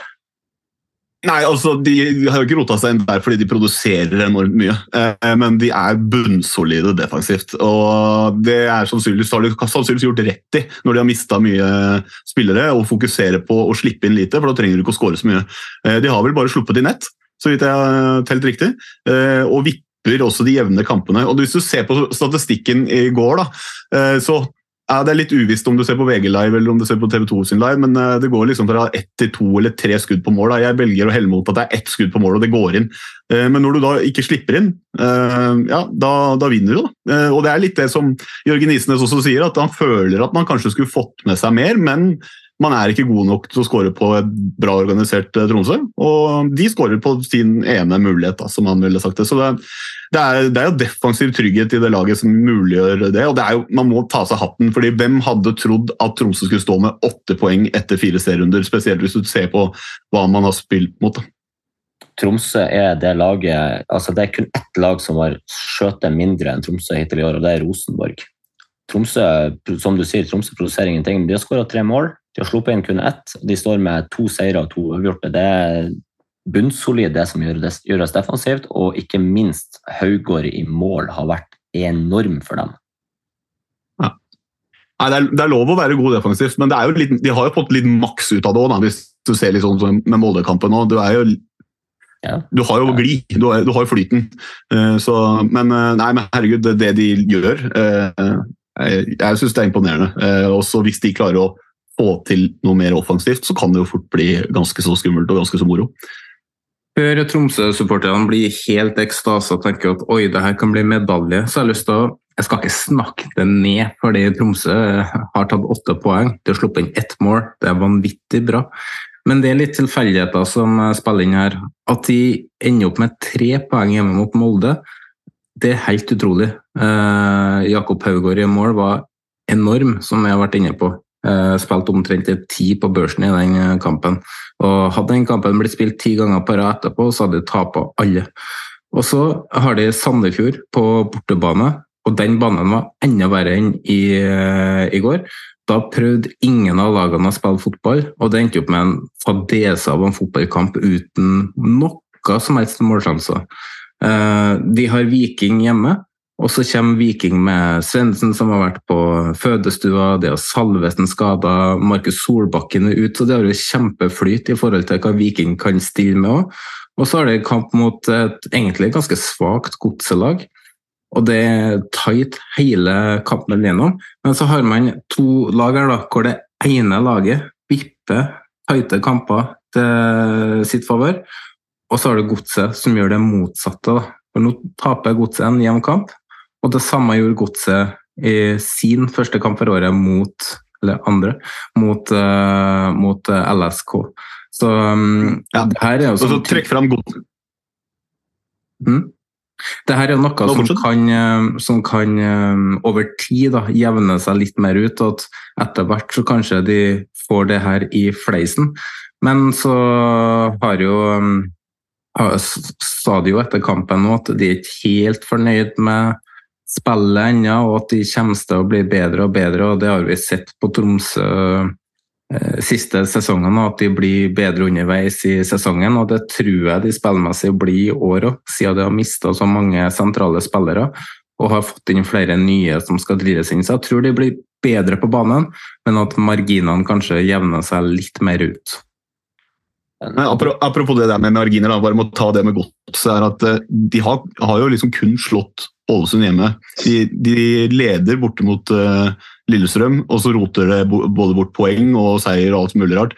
Uh, altså, de gjør som du sier, helt stikk motsatt. og Jeg vil ikke si at det er helt krise ennå, Men det begynner å bli den starten kanskje godssupporterne frykta litt under Isnes. At eh, de har sett bra ut i perioder, produserer mye, hadde fortjent kanskje å få med seg noe i går, men evner ikke. Er for dårlig eh, på det der det gjelder, da, å være i boksen og, og siste tredjedelen. Så nei, eh, det begynner å haste litt for prosjektet til Isnes òg, hvis du begynner å ikke plukke poeng. Jeg må si det. Neste utfordringa deres er jo også å dra til Stavanger mot et lag som har skåra ni mål på to hjemmekamper. Mm. Så, nei, så det, det, er ikke krise ennå, men det er ikke ideell situasjon å tape tre på rad heller. Men det her var vi inne på før sesongen òg, at det er mye som skal sette seg i godset. Og så vil det komme etter hvert. Altså, jeg, jeg, tror fortsatt at det vil skje. Du må bare være tålmodig og tro mot uh, det de holder på med og jobber med. Så, så har de jo tross alt veldig mye korona i, i, troppen, i kroppen. Vi går videre. til det som skulle avslutte en heidundrende fotballkveld. Og vi fikk jo eh, Glimt Brann på lørdag. Ordentlig godbit. Og så har vi Viking eh, klokka fem i går. Så skal det avsluttes med Odd Rosenborg. Å, herregud, for en kjedelig fotballkamp. Altså, det er to feige lag hvor Odd ikke De tør jo ikke å presse høyt. og jeg tror de kanskje kunne ha, Hvis de hadde turt å satt presset på Rosenborg, så tror jeg de kanskje kunne ha skapt mye mer enn hva de gjorde. da. Men de falt Odd burde jo skåra på slutten der. Det var ja, ja, kjem, kommer til det. Kjem til det. Um, det blir skapt uh, lite uh, for 80. minutt. Odd har jo en kjempesjanse med Jevtovic uh, tidlig i første omgangen, som egentlig bør bli omsatt til skåring, men ballen ender opp over stadiontaket. Uh, Holse har en ganske stor målsjanse som blir blokkert. Henriksen har en uh, ganske god vending i boksen der, som bør òg omsettes i en uh, skåring. Og så blir det ordentlig Hawaii det siste tid, der begge lag egentlig går for det. Men Odd ved flere tilfeller er nære på å straffe Rosenborg sine, eh, sine sløve balltap. Da. Spesielt det med Rogers, der, som omtrent eh, fungerte som playmaker for Odd eh, helt på slutten. Og Andre Hansen gjør en enorm redning. Og så har man to-tre involveringer av Reitan som kanskje matchavgjørende òg. Både to taklinger som kanskje er med å stoppe skåring, og så har han en redning der i tillegg. Men ja, ut fra sjansene som blir skapt, så skal ikke det være en 0-0-kamp. Men uh, det er ikke to topplag vi så i går. Nei, altså Rosenborg det virker jo planløst, og vi har jo vært inne på det tidligere. at det, altså, det, det, det, er rolig, det er godt tempo rundt ballførere ofte. Og hvis, hvis, hvis de også kelker dem langt opp på spiss, og så er det ingen bevegelse rundt han heller. Det virker som at det er om man Rekdal har en plan, så er det ingen av spillerne som har lyst til å adlyde den. Meran? Uh, for min del så, så, ser jeg at de sliter veldig med relasjonen i det offensive spillet. bare for å trekke fram Rosenborg. Jeg synes Defensivt så er de mektig gode. De slipper lite til, utenom selvfølgelig Havangen på slutten. De slipper lite til generelt hele i år. Hvor de, hvor de, er sterke defensivt. Men det er noe med den midtbanen som de ikke får til. Det er noe med for mange utskiftninger på topp der. og det er et lag som, eh, slik jeg ser på det, nøytralt, som ikke fungerer helt sammen. De kjenner hverandre ikke. Det er, det er ikke noen relasjoner eller noen samhandling, og det vil ta tid eh, før det sitter helt. Så kan man jo alltids lure på hvorfor det, det, man har liksom kommet til det punktet at de henger så langt etter. Mange årsaker til det. Men jeg tror Rosenborg vil komme dit. Jeg tror det vil komme seg, men jeg tror det vil ta litt lengre tid enn hva man egentlig har antatt. For det, det, det, er ikke noe quick fix å fikse det offensive i Rosenborg. Med relasjoner, med pasninger, med løp, med dobling opp på kant. Altså, jeg ser dem prøver iblant, men ikke nødvendigvis får det helt til. Norge. Ja, altså, jeg er ikke sånn kjempeoverraska. Vi har sett liksom Rosenborg har slitt, og, og det har vært bunnsolide defensivt. De har fortsatt ikke sluppet i mål. Eh, det er jo det er derfor jeg bare vil trekke fram at Jonas sa ikke du sist at det, i forrige episode at dette her blir en uh, målbonanza. Så mute igjen, da. Det var Nei, men, det, det er så, men jeg er ikke overraska, for jeg eh, man ser Rosenborg sine problemer. Rekdal snakker jo også om at ja, det er der vi er. Eh, Så det er jo en grusom motstander for Rosenborg å møte Odd borte nå, eh, i den zone, eller flytsona de er i defensivt. Så 0-0 der og er- det er det er ikke veldig overraskende for meg, men jeg tror det er mange som kommer til å ta med seg mindre eh, også. Derfor har vi så Odd fortsetter å være så solide. Jeg så jo for meg at Odd skulle gå mye mer i strupen på Rosenborg, ja, da, men uh, når de legger seg bak og venter på, på at Rosenborg skal angripe, og Rosenborg gjør det samme, da blir det ordentlig kjedelig å sitte og se på. Også. Frank? Nei, vi treffer godt på odd-tips om dagen, for å si det sånn. Jeg kan trekke frem eh, han eh, Diogo Thomas eh, nok en gang, da. Altså, For en deilig mann, rett og slett. Og Herlig type. han får han Isak Thorvaldsson til å se ut som en liten gutt. Ja, det, er, det er en sånn ordentlig, ser ut som en ordentlig ja, Henta rett fra MacGyver og satt rett inn på fotballbanen, liksom. Det, det, han ser ikke ut som en fotballspiller, men han var ordentlig god. Litt flø med ballen av og til, men uh, defensivt. Så det er han som har den blokkeringa som uh, seg mest sannsynlig hadde skåra på uh, midt i andre omgangen der òg. Men det er en lang vei å gå for Rosenborg offensivt. Og så sier vi at begge lag er bånnsolid defensivt. Det er jo ikke helt korrekt heller, da, med tanke på forrige match. Odd skulle ha sluppet inn både tre, og fire og fem. Men uh, i matchen her så har jo Odd null skudd på mål, og, nei, mot seg. da, Null skudd på mål, og så har André Hansen har én redning.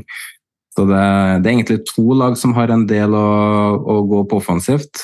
Um, jeg synes Rosenborg sto forsvarte seg godt når Odd eh, prøvde å flytte opp folk. Da. De forsvarer boksen veldig bra.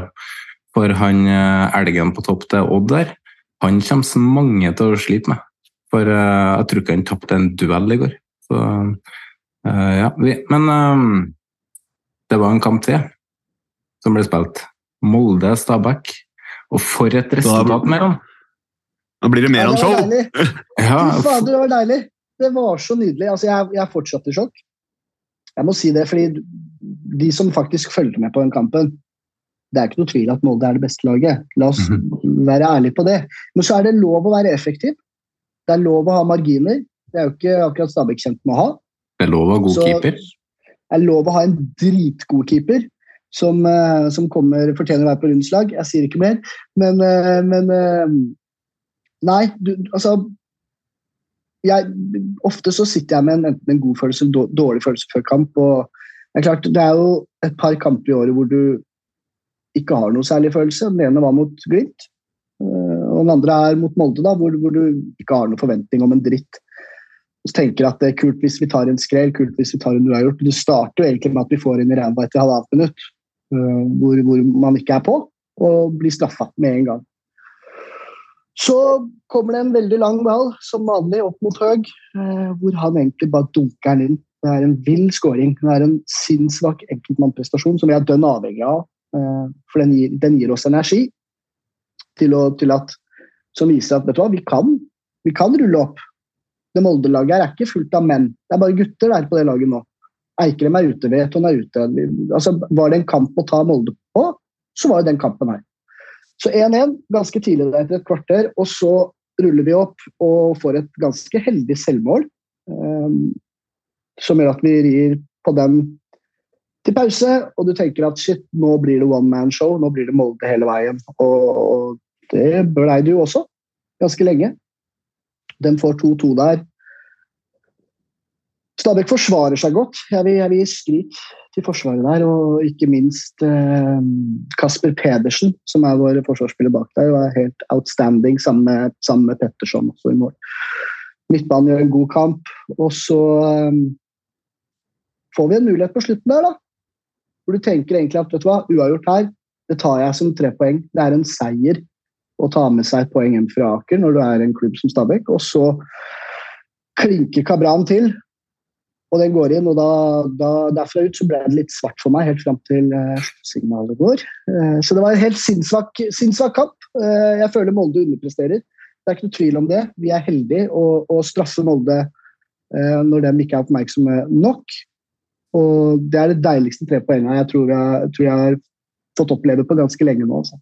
Det er det Så- meste. Så må det sies at uh, Stabæk har jo hadde en eh, ganske tøff kamp på onsdag på en tung bane. Molde fikk hvile og forberede seg inn mot den kampen der. Og likevel så står de i 90 og avgjør kampen helt på slutten. Det burde jo egentlig ha vært motsatt. Jeg er enig, og spesielt mye av de samme folka. og Lars gjør veldig sjelden forandringer fra kamp til kamp. Det er gjerne én eller to spillere ut fra en skadesituasjon, så det er jo de samme, samme gutta. Men, eh, men, en ting Lars skal ha litt kred for, er at han gjør litt grep underveis. For det har han ikke vært flink til å gjøre verken i fjor eller egentlig til år. At han gjør noe grep underveis. Eh, taktisk ut fra hvordan vi gjør det, eller når vi sliter. Mot Brann så gjorde han ingenting, føler jeg.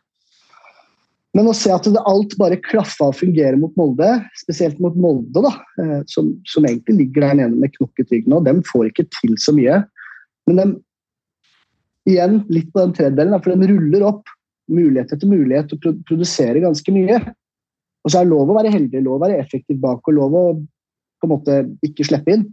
Men så er det en egenskap òg, fordi mange av mulighetene faktisk får. Det skal jo være klink goal.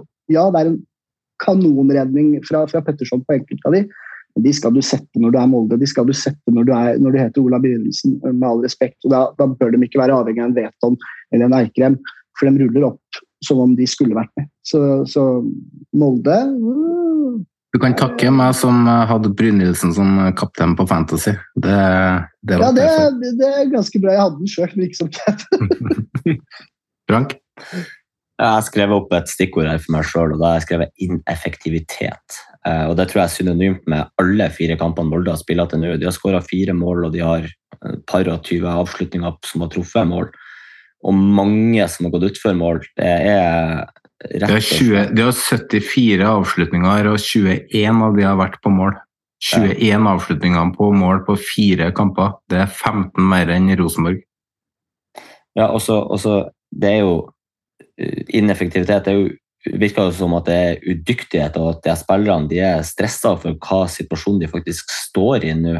Altså, Berisha har sleivsparka på fire meter utfor eh, i en kamp tidligere i år. Det, det, var, kanskje mot, Ros, det var kanskje mot Rosenborg, men uansett. Det, det lugga veldig for det Molde-laget. og jeg nevnte det også i forrige episode. Nå står Molde med ett poeng på tre kamper. De kommer et Stabæk-lag i neste runde. De er klare favoritter til å slå Stabæk, men hva hvis det er en knullegutt på topp som lager helvete for dem? Så har de Ålesund i den midtuka der de får en fremskutt for kamp, og så har de HamKam borte neste helg. Det, det, kan se veldig stygt ut for Molde, Molde her nå. Vi kan, vi kan, sitte og snakke om at det er ineffektivt og at det er angrepet som taper kampene deres. Eh, det var det i Tromsø. Eh, mot Rosenborg så var det helt for sent at det ble poengdeling. Men eh, til syvende og sist, når du skårer to mål hjemme mot Stabæk, da skal du sitte igjen med tre poeng. Uh, og uflaks, ja ok. Um, udyktighet, ja. Men det handler jo om flyt og sjøltillit. De målsjansene som Brynildsen uh, bomma på, de hadde han satt med flyt. Men jeg tror det, det ligger en stressfaktor inne i bildet der. Um, og de burde jo skåra fem-seks uh, mål i går, men det som kjennetegnet Molde i 2022, var ikke at de skåra fem og seks mål hver kamp. Det skåra ett, og det skåra to, men de vant kampene fordi det var bunnsolid defensivt. Og så begynte Vi vi snakka om når Berisha kommer. Betyr det at de skal legge om til høyt press, som de ikke lyktes med i fjor, med tanke på Eriksen inni der òg? At de skal flytte opp eh, og ha litt mer eh, strengere spill på? Eh, nå var ikke akkurat det var høye presset som utslagsgivende i går, men vi ser problemene de får når de står høyt og mister ball. Den løpsstuen Tidemann Hansen har mot Høg der, det så ut som Tidemann Hansen sto i ro og bevega på hendene sine. Og så har du det innlegget med sjølmål. Tidemann Hansen de er tre mot én inni femmeteren her, og de presterer å misse markeringa. Tidemann Hansen blir på etterskudd, kaster fram kroppen, ballen går via han og i mål. Eh, nå hadde Hansen en eh, assist òg, men det jo, står jo til stryk, det han holdt på med defensivt i går. Uh, også, noen mener at de har en keeper som ikke redder ballene, men det er ikke så mye han får gjort med baklengsmålene i går heller, da, for det er jo ordentlig flyt uh, fra Stabæk. En verdensklassekeeper hadde kanskje posisjonert seg annerledes på 0-1 og 2-3, uh, for det er ikke utagbart. Men eh, Molde må rett og slett finne ut gå tilbake til det som gjorde at de var solide i fjor, og det var et uh, ordentlig ja, god struktur defensivt da, som hindrer motstanderne å komme til målsjanser. For skårer du to mål, så skal du vinne fotballkamper. Så nevner vi jo Flyter, da. Det er jo en situasjon som skjer uh, midt på banen i første omgang som kunne hatt et annet utfall, for å si det sånn. da. Det er jo en dommer som og et VAR-team som ikke gjør jobben sin. Ja, det er klink rød. Ja. Eh, den, den, situasjonen der kan jo fort være Det kunne jo fort ha vært runden snakkis, da. Men eh, vi hadde jo den snakkisen i siste episode. Har egentlig dommerne ødelagt litt for seg sjøl når de eh, forrige helg gikk inn og forsvarte at Ottosson fikk gult kort mot Henriksen? 100% 100 Ja, altså de, de, de, de, har satt en farlig presedens. Um, hvis du ser på alle de tre-fire situasjonene som har vært hittil i år, alle burde vært klink røde. De gjorde om. Hvis du tar et par kapper tilbake, så når Stabæk slo Haugesund 3-0, så fikk Krygård gult først, og så fikk han rødt etterpå av VAR. Så skjedde det motsatt på Lerkendal. Og nå skjedde det motsatt igjen. Altså, de kikka ikke på den engang? Dommeren var ikke ute og så på? I det hele tatt. Jeg ser jo på kampen. Greit, han treffer den ikke i ansiktet, han treffer den i skulderen. Det er farefullt spilt, det er rødt. Come on. Til og med jeg som Stabæk-supporter sier den er rød. Hadde jeg vært Molde-supporter i går, så hadde jeg krevd rød. Hadde det skjedd med Stabæk-spiller, hadde jeg krevd rød. Det blei rødt mot Krygård. Krygård fikk rødt. Hvorfor får ikke resten rødt? Det er jo det er kjempefarefullt spill. Eh, men igjen, Litt flyt og marginer der, da, litt heldig, men det er jo presidensen eh, Terje Hauge har satt her, egentlig, som er veldig veldig skummelt, for du veit ikke hva som er rett og galt. Tenk hvis det her var en gresskamp med skruknotter, og du er oppi der, litt mer til sida, og så er du på halsen. Livsfarlig. Nora? Ja, altså, det, Christian Eriksen sier det jo egentlig greit sjøl. Han vet ikke om det er gult eller rødt. Han skal ikke blande seg inn i vurderingene egentlig som blir gjort. Men hvorfor ikke gå og se på den? Og Du ser det på Lerkendal, at det er ikke, det er ikke varmat engang. Altså, de sier ikke til dommer 'gå og se på skjermen', og de gjør det ikke her. og det, Jeg lurer på hvorfor ikke. Altså, jeg skjønner at de vil ha en høy terskel, men jeg skjønner ikke hvorfor i sånne situasjoner at du ikke gir dommeren mulighet til å se på det en gang til. Fordi det er sånne situasjoner som VAR faktisk har en eller annen form for hensikt i, i, i min verden. Da. Så hvorfor ikke gå og se på det? Eh, det går litt på det dommerne sa før sesongstart, de skulle ikke lene seg på VAR. De er så redd for å lene seg på VAR og bruke det som en unnskyldning, så de gjør det motsatt. Det bare, nei, denne har vi mm. kontroll på, her trenger vi ikke noe VAR-sjekk. Men igjen, da, ja. snakk med hverandre, for det sitter tre-fire mann i den bussen eller på Ullevål eller hvor de sitter. De ser jo mm. kampen. Hva er det dem ser som vi ikke ser?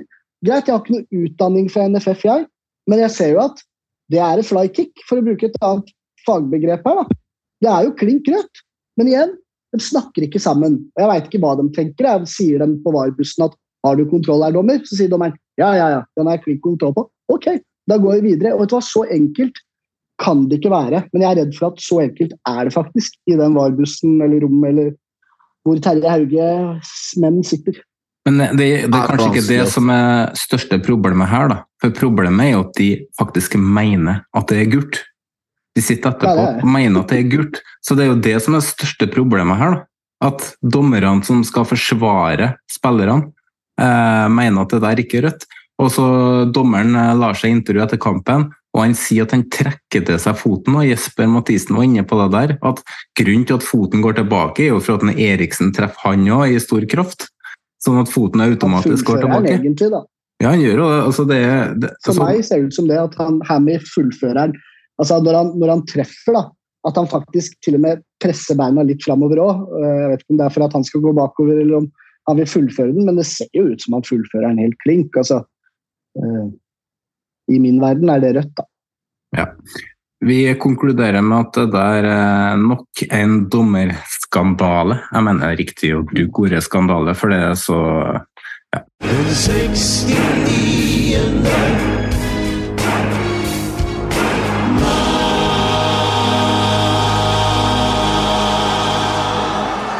Vi går videre til rundens øyeblikk. Vi tar punkt for punkt her. Eh, og Meran, rundens øyeblikk for deg? Ja, Det er ikke noe tvil. Den er veldig personlig, da. Men, men um, det er når Kabran setter 3-2. Fordi jeg, jeg klarer ikke å sitte stille, så jeg går jo rundt foran TV-en. da. Um, når han setter den, så jeg blir helt stille. Holder hendene mot hodet og bare sitter egentlig sånn fram til eh, det blåses av. Jeg, jeg mista meg sjøl litt. Så kampens øyeblikk for meg, det er ikke noe tvil. Det er eh, det første målet er sinnssykt, men det er, det er en 3-2 og den følelsen du får, det adrenalinkicket, eh, svetten som renner, det, det var det lenge siden jeg har kjent på. Det var litt deilig, egentlig. Så det er for meg by far rundens øyeblikk. Norge, rundens øyeblikk. Ja, jeg tar Frank først, da, for jeg har en vri. Ok, Ja, nei, men Jeg trenger ikke å ta min, for han Meran har tatt min allerede. Jeg hadde også akkurat samme skåringa på overtid på Aker stadion. Da kjører vi Snorre. Ja, nei, fordi eh, Som vi sa til lytterne, sånn, så har ikke eh, Vålerenga-Lillestrøm vært spilt ennå. Så jeg bruker min eh, øyeblikk og pluss og minus til å spå fram. Fordi rundens øyeblikk det blir når Sidiata skårer 1-0 i 93 foran østblokka, river av seg drakta og hopper opp mot Shanten og resten av gutta på feltet.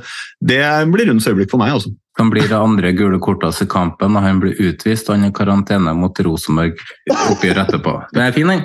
Det kommer, har, pl- det kommer, kommer pluss og minus her også. Det kommer pluss og minus. Eh, Jeg har TV 2-studio med Erik Torstvedt som konstant avbrøt i sendinga. Altså, 'Vi må til Stavanger'. Altså, altså, vi, vi satt jo egentlig og så på Viking vi, i Fotballekstra. Det, ja, det, var, det var morsomt. Eh, Rundens pluss, Meran? Rundens pluss ja, den, den også. eh, For meg så er rundens pluss andreomgangen til Viking. Eh, fra et nøytralt perspektiv, da.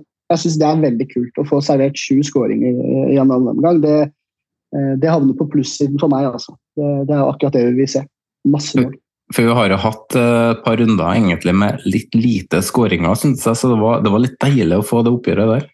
Ketsjup-effekt. Eh, Snorre, eller jeg kan ta Frank først, da. Av rundens prestasjon, der har jeg Viking som skåra sju mål på litt over 30 minutter. Mm. Snorre? Ja, rundens prestasjon blir uh, at uh, eh, Fagermo faktisk får gutta til å levere en match som gjør at Østblokka faktisk synger navnet hans når matchen er ferdig. Det, det, det, er, det er en prestasjon, altså. De spådommene her. Det er det kun du som tror på. Man må, man må, man må, man må, man må, man må bjuda på litt, da. Man må drømme. Det er viktig. Ja, Man må våge å drømme, ja. Eh, Det, det er sjelden man får oppgjør i Eliteserien eh, hvor man setter seg ned og tenker at herregud, for en bra fotballkamp. Det er gjerne at et lag kjører over et annet og viser bra fotball, da. men at man får to så gode lag som man får i Bodø, det er veldig sjelden. Eh, Vi fikk det til dels på Lerkendal i fjor med Glimt-Rosenborg. Det var litt, kanskje en kamp med litt mer sånn nerver og intensitet. Men eh, i Bodø nå så var det egentlig ferdigheter, flyt, samspill, samhandling, eh, guts. Eh, det syns jeg er rundens pluss, og en kamp som er, var Eliteserien er verdig. Rundens minus, Meran? Der har jeg satt egentlig hele Ålesund som en rein minus, rett og slett fordi at eh, En ting er å tape 4-0 mot, uh, mot f.eks. 3-4-0 mot, mot Bodø-Glimt. Det føler jeg egentlig alle burde få et uh, fritak på, eller frikort på eh, i år. Alle laga. Men når du kommer mot Sandefjord, som er din nærmeste konkurrent på tabellen, eh, egentlig, det er, de, det er dem du skal slåss med, eh, pluss et par andre klubber, og du, du møter ikke opp. Du tar ikke hensyn til banen, du tar ikke hensyn til noen taktikk, du tar ikke noe hensyn til noen formasjon. Det, det virker så planløst. Jeg vil egentlig si hele Ålesund fotballklubb i sin helhet. Alle mann, hele staben, betjeningen, kokken. Alle. Frank? Rundens skuffelse har vi vært inne på allerede i Runden snakkes. Rundens skuffelse er politiet i Bodø. Og rundens forventning egentlig, da, men eh, Snorre? Det er rundens minus. Da. Dette er fasit. Bare, jeg bare så det først. Men eh, nei, rundens minus, det blir jo, Jeg nevnte jo denne Sidi Atta-skåringa på overtid. Det gjør jo at en av disse kokosene borte på bortefeltet begynner å kaste bluss ut på banen. Det er dårlig stil. altså Det er kunstgressmatte, det blir svært høl og sånn. Så det er slutt med det, ja. Ja. Um, jeg hadde egentlig det samme som Meran, så jeg får bytte, så tar jeg Snorre spådommer der han sitter i kottet til Josef Ritzel. Da. Eh, Frank, du hadde en, eh, du hadde en til du ville ta, du? Ja, jeg vil ta noe så sjelden som rundens tweets. For eh, de som fulgte med etter eh, Odd Rosenborg, fikk med seg det at Rosenborg-supporterne storma banen. ja. Eh, Så her har en eh, Hjalmar-losjen, en Odd-supporter, lagt ut bilde av Rosenborg-supporterne ute på banen, og så har han skrevet RBK-huene stormer banen etter 0-0. Stort og klare uavgjort i Skien. Og så har eh, da eh, Vålerengas eh, Sjanten fulgt opp med Hva skjer her? Vant Rosenborg 0-0? Men jeg sjekka, jeg sjekka den kommentaren til Sjanten, da. og de som har kommentert til han, ja. Det var mørkt. Det var build-up til neste runde igjen. det, Ja, det var, det var, det var æsj. Det er jo bra at de har vært anonyme kontoer, for uh, der er det noen som hadde uh, Ja. Det, det spørs Med en dårlig opplevelse for Rosenborg mot eh, Brann og stortap for eh, Vålerenga i kveld. Og da ble det mye sinte folk i eh, Trondheim på lørdag også. Lørdagskamp og alkohol og Ja, vi får se. Altså, Jeg orker ikke å diskutere om folk eh, tar hverandre opp i ræva, eller hva det er for noe sånt. Hvordan satan fikk jeg plass til den i ræva? Vi har egentlig kommet fram til rundens eh, lag eh, foreløpig. Vi har jo som sagt én kamp igjen. Vålerenga-Lillestrøm i kveld. Men vi har satt opp elleve spillere. Vi har syv på benken. Og så kan det hende at det blir gjort endringer.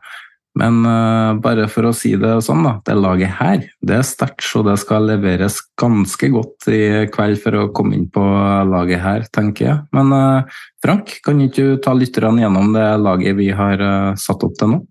Nei, for jeg har ikke det laget foran meg. Har ikke du Nei. det? Det har jeg, vet du. Det er ingen overraskelse at du har Petterson i mål. Den, han er jo Uten han så, så hadde det ikke blitt tre poeng til Stabæk. Det har derimot blitt flere eh, to-tre-målledelse eller seier til Molde. Eh, vi har satt opp tre forsvarsspillere, om det er stoppere og backer. Det, vi har tatt oss eh, kreative friheter her. Det er Jesper Toje som stopper, god med ball. Eh, ikke så mye store utfordringer mot Ålesund, men han skårer jo mål i det 60. minutt. Bør Vetle Valle Egeli som venstre stopper, egentlig venstre back. da. To målgivende. Eh, ellers solid i banespillet, en veldig pasningssikker spiller.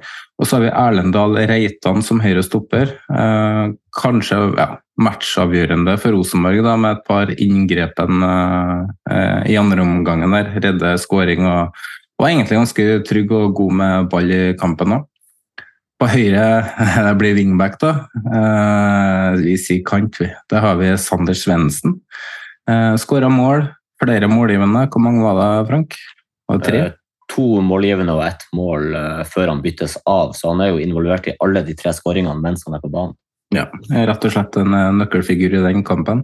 På motsatt side så har vi Pellegrino. Gjør ikke den beste kampen, egentlig, men han skårer to mål og sørger for ett poeng han i Bodø. Vi har tre sentrale her, og det er Ottosson, Filip Ottosson for eh, Sandefjord, som har en god kamp. Styrer det meste utpå der, trygg i sekseren sin. Vi har eh, Nilsen Tangen fra Viking, som ja, Frank, du sa det jo at han var kanskje eh, man of the match. Og Ja, han, var, han var enorm for det vikinglaget. ja, og så har vi Sivert Heltene Nilsen, som rett og slett var ordentlig god i jeg skal si 80 minutter, men spesielt førsteomgangen. Rett og slett en drittsekk å spille mot, men har et uh, smil på lur og uh, veldig god, blitt veldig god med ball i beina òg, uh, vil jeg si. Og så har vi to vikingspillere på topp. da. Salvesen kom vel innpå i det 60. eller rundt der. Men eh, veldig toneavgivende etter at den kommer inn. og Det samme er Diagostino, som var god, rett og slett. Og eh, det, de spillerne Viking har på topp, det, mm, det er krydder. På benken så har vi Haugård, Patti Namnam, Gundersen fra Tromsø. Vi har Ruben Kristiansen fra Bodø, nei, fra Brann. Og så har vi Lundqvist fra Sarpsborg, Alsæd og Kasper Høeg. Og så har vi òg kommet fram til rundens stjerner til nå, men igjen så kan det bli endringer der også. Rundens stjerne er noe nytt vi har begynt med, inspirert av eh, min tidligere lokalavis Fosna-folket.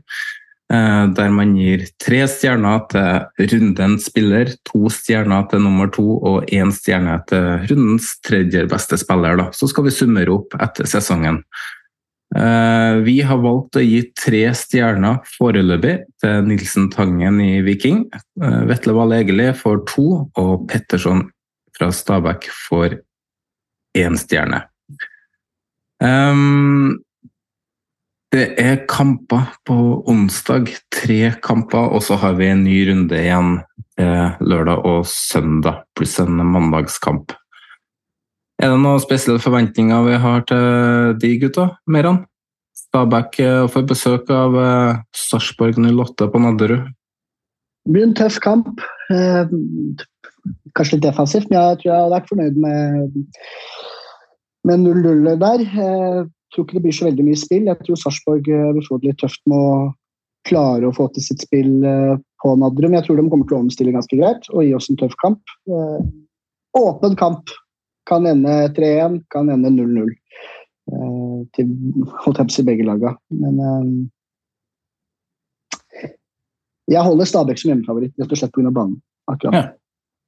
Frank, har du noen forventninger til den som kommer? Ja, jeg har alltid forventninger til norsk fotball. Det skal leveres. Det jo, Du nevnte jo tre kamper i midtuka, og det er jo sånn sett, altså Glimt, Odd er noe sånn sett greit, men jeg syns det er direkte synd at uh, to uh, så store rivalkamper som Molde-Ålesund og Rosenborg-Brann skal spilles i midtuke.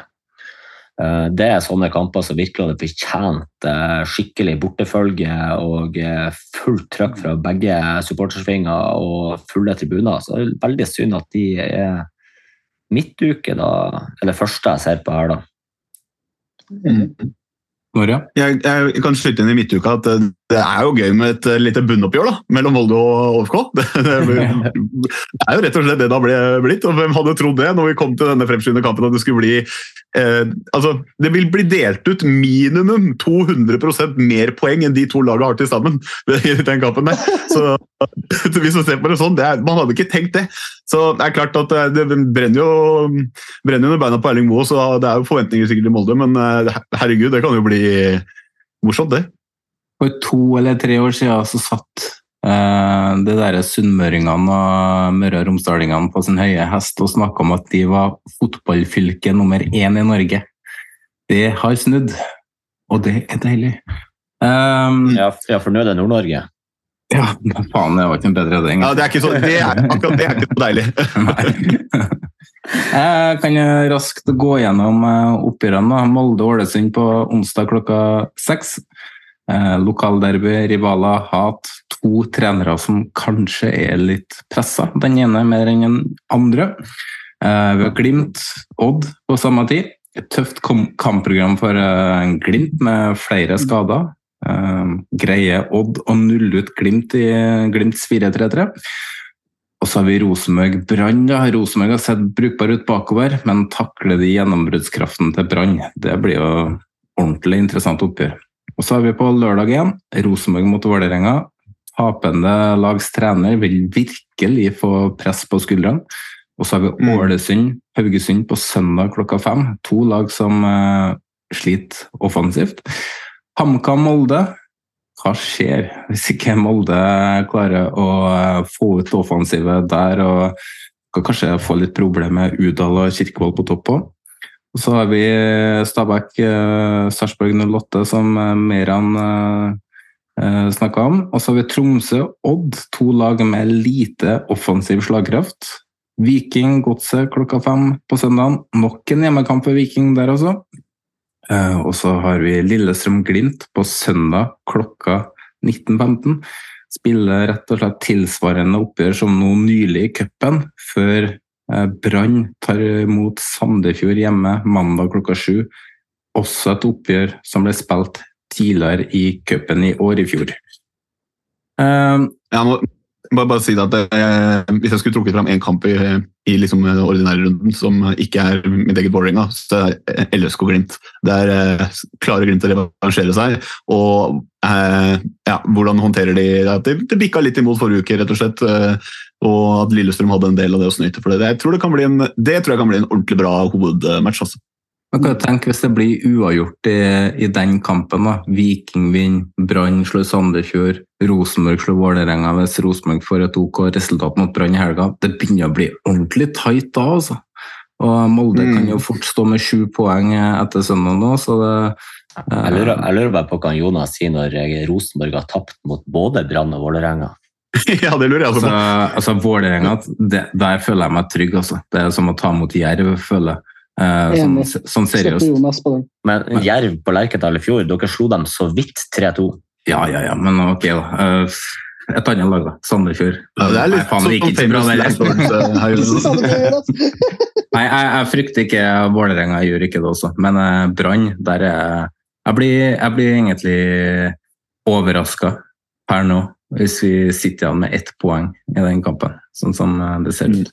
Vi må videre, vi, vi har gått litt over tida som, eh, som vanlig. Um, men ikke like ille som når Snorre styrer. Ja, verre når du styrer, da. Da er vi jo faen meg på to timer nå, ikke sant? Ja, men jeg må styre deg, husk det. Du styrer meg.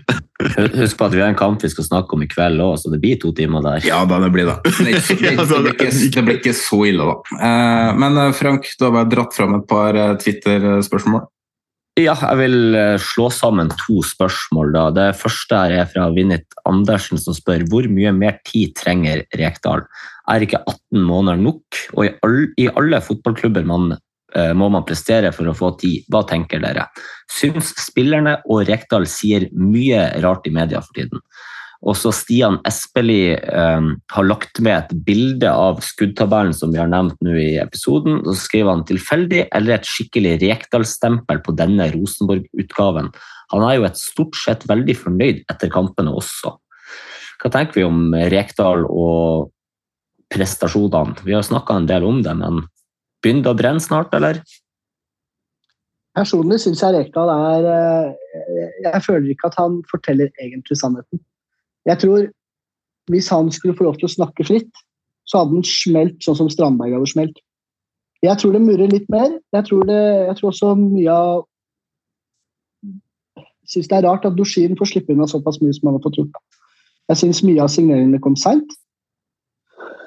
Uh, la nok veldig mye av trykket på at Tengstedt ble solgt, og veldig mye suksess der i vinduet, eh, som gjør at det da kamuflerte litt hvordan det egentlig har gått spillmessig. Og så syns jeg preseason var kun hver kritikk. Men jeg, jeg, jeg, føler ikke at Rekdal er ærlig nok i media. Han, han, sier nok ting noe som det er, men jeg tror sannheten er større som så. Um, du ser at det er noe som murrer der. De, de, de, altså, det ser man jo, for det løsner jo ikke.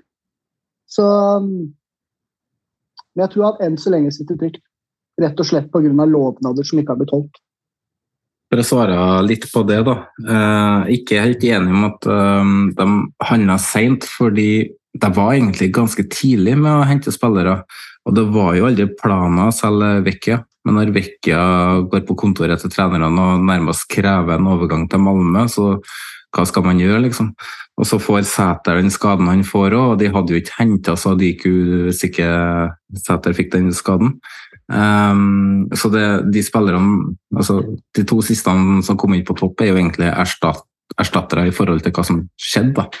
Um, men, um, at han ikke sier nøyaktig alt han mener i media, det støtta jeg deg i, for jeg har stått utenfor Lerkendal og snakka med han sjøl og fikk jo litt mer der enn kan si i media. Men han, det er jo det som er bra med Rekdal, at han, han sier det korrekte. Da. Han skaper ikke noe, skaper ikke noe overskrifter sånn som Fagermo f.eks. gjør i media, og unødvendig støy. Da. Så det skal han kred for.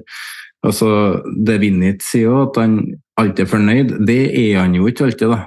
Og så er det én ting hva du sier i media, og hva du sier til spillergruppa òg. For det, når man har litt motgang i en klubb, så skal man ikke ut og slakte alt det. Da skal man kanskje eh, ta litt av støyten sjøl og prøve å bygge opp spillerne. Og så er det når ting går bra, det er da du skal inn og pirke. vet du. Og være litt sånn negativ, sånn som Kjetil Knutsen gjør. For eh, det er litt mentalitet i det òg. Og mm, Rekdal vil være mer offensiv enn det Rosenborg har visst til nå. Spørsmålet er har han og Frigård evnen til å få overført sine tanker til spillerne. Det er det ene. Og det andre er er de tankene gode nok? Det får vi svaret på senere. De ser litt bedre ut nå enn de gjorde på samme tida i fjor, og det løste jo seg litt etter hvert. Så får vi se, da. Jeg sa jo tidligere at Sæter ikke har noen plass når han kommer tilbake, men jeg er jaggu ikke så sikker lenger. Så Snorre? Nei, Jeg vil bare bygge litt på det du sa der. Han er jo en luring, Kjell Rekdal, så jeg tipper han klarer eh, å, å klamre seg litt til den plassen. Et eksempel på det er jo det der, eh, at han eh, velger å snakke om den der dårlige treningsuka. Det har han jo nærmest innrømma i ettertid, at det gjorde han bare for å få folk til å snakke om noe helt annet enn den prestasjonen man så. For da snakka han om det utspillet, og det gjorde vi jo. Vi snakka jo også om det, og andre snakka om det. Herregud, kan du sitte og si det med profesjonell? Men han, han han tenker et skritt foran og sørger for å flytte fokuset vekk fra det han ikke vil ha det på, og over til noe som egentlig ikke betyr noe for han. Det kan han fint stå i. Så det, Jeg tror han fortsatt sover relativt greit om natta og ikke er spesielt redd for jobben sin. Ja, men Det tror jeg òg. Eh, og så er jeg for så vidt helt enig med deg. Jeg, jeg, jeg, tror også det vil løsne. Jeg tror vi ser veldig mye likheter fra i fjor, at det løsner. Og så er jeg enig i at de er eh, et par nivåer foran enn hva de var sammenligna på samme tidspunkt i fjor. By far. By far. Men jeg mener allikevel at de fremdeles har et problem offensivt på spissplassen. Jeg mener at Aga egentlig var bare en rein erstatter for Winsheim Pohl, selv om de henta han før Winsheim Pohl dro, riktignok. Og så veit vi ikke om Sadiku. Han kan jo bli kjempebra, men han kom jo seint inn. Så Ja, han kom jo inn pga. at Sæter ble skada. Ikke sant. Men jeg, jeg, jeg er personlig ikke negativ til Rosenborg. Jeg tror det løsner, og jeg tror det løsner snart. Men må vi gi dem tre-fire kamper til? Ja, fordi de trenger kontinuitet eh, per nå. Med så mange skader og utskiftninger de har hatt nå, så trenger de å få litt kontinuitet. Men at det løsner? Ja. Det, det, det tror jeg virkelig at det gjør. Altså. Men spørsmålet er bare hvem som skal skåre mål. da. Reitan eh, kjefta jo litt på media etter sist kamp og mente at de som kritiserte Rosenborgs offensive spill, ikke har peiling. Og eh, folk som sier at Rosenborg ikke har en plan, så er jo Rekdal ute og mener at de har ikke peiling. Men jeg syns jo det er helt riktig av supporterne til Rosenborg å reagere sånn som det ser ut nå. Det er tross alt Rosenborg, og det skal sprudle offensivt eh, der. Det har det ikke gjort. Og ja, jeg tror det blir bedre, men om det blir godt nok det, det er spørsmålet. Så får vi se. Men jeg tror vi må skippe de siste spørsmålene, Frank, for nå går tida så langt at uh... Og et spørsmål som jeg lovte å ta med, da. Kan ikke okay. jeg ta det? Ja? Det er Tor Georg. Uh, for Jeg kom litt inn på dette med 69-gudene og ha de på den side. og sånn, og Da stilte han rett og slett spørsmålet i ren nysgjerrighet, hvordan to gudeskikkelser ser du for deg i skråstrek har 69? Og da tenker jeg sånn, Er det Thor med hammeren? Hvis du skjønner hva jeg mener? Eh, er det en ene? Eller hvem er, hvordan ser det ut? Nei, Da må man jo ta en sånn gresk gudinne, i hvert fall som den ene. Ja? Sånn Frøy, ja. et eller annet, hva de heter de der. Er ikke Sevs som har tre hoder, da? Ja, men han, han, har de hodene på feil plass, vet du. Nei, altså, jeg er enig. Nå, nå Frøya, og så tenker jeg Thor. Ja, Thor. Eh, personlig syns jeg det er fetere å ha Hvis Thor eh, feira sånn som Høg feira, når han står der med fingeren i øret og armen opp i været, da, da kan jeg støtte meg på Thor. Vi har, han, vi har jo sendt han Høg til himmelen allerede, så han er gudeskikkelse for oss. Og jeg, sier, jeg ser Høg sammen med sånn gresk gudinne. Høg opp Frøya. Eller, Høg men eh, Snorre, vi hadde jo scoring nummer Ja. 69 i runden her. Skulle vi ha en 69-himmel her, eller? Yes. Ja, ok, da tar vi det der og da. Så ja, da går vi over til 69-himmelen. Da var vi altså kommet dit i sesongen. Fra ett mål til to, til tre videre. Til der vi er nå. Men som nevnt i første himmelinnlemmelse er noen mål viktigere enn andre. Før runde fire var det skåret 58 mål i norsk eliteserie i 2023. Vi nærmet oss. Gjester har blitt spurt, og gjestene har svart. Kunne noen treffe? Sannsynligvis ikke. Ikke traff de heller. Men traff gjorde mange i Stavanger. Syv mål mot HamKam. Syv forskjellige målskårere for Viking i en kamp. Sondre Bjørsvold har ikke vært kjent for å bøtte inn mål i sin karriere. Før denne sesongen sto han med ett mål for Viking. Nå har han tre. Så hva er da oddsen for at akkurat denne mannen skulle være sist på et av årets største hendelser? For det er det mål nummer 69 er. De tidligere 68 er glemt og nevnes ikke mer her, men 69, ja, den vil vi for alltid huske. Og derfor er du også gitt innpass i det aller helligste, Sondre Bjørsol. 69-himmelen, hvor opp er ned, og ned er opp.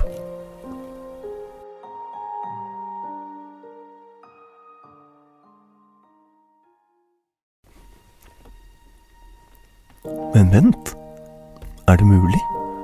Kan det være sant? At i runden etter Midtskogen blir snytt for årets første scoring i det 69. minutt, så får vi det. Samme runde som det 69. målet i årets eliteserie. Og så godkjent og greier, da. Og vi skal også til Stavanger og SR Bank Arena denne gangen. Men mannen vi snakker om, var ikke så selvsagt at vi fant der. Det ble litt frem og tilbake. Et hav av tilfeldigheter som fører til akkurat dette nydelige øyeblikket. Lars Jørgen Salvesen tok turen til Bodø-Glimt sommeren 2022. Det ble med en høst og en halv vinter før ryktet om en overgang vekk begynte å svirre. Men Lars Jørgen ville bli, kjempe for plassen, helt til han ombestemte seg og ikke ville det allikevel. Rett inn på et vikinglag som hadde mye å revansjere fra fjoråret og han leverer fra start. Men det er uviktig, for det er i nedsablingen av HamKam han nå har levert sitt livs største prestasjon. Å skåre mål i det 69. minutt. En hyllest til 69-gudene. Og derfor, Lars Jørgen, får du nå adgangskort, så du kan hilse på 69-gudene når du vil. Velkommen til 69-himmelen, hvor opp er ned, og ned er opp.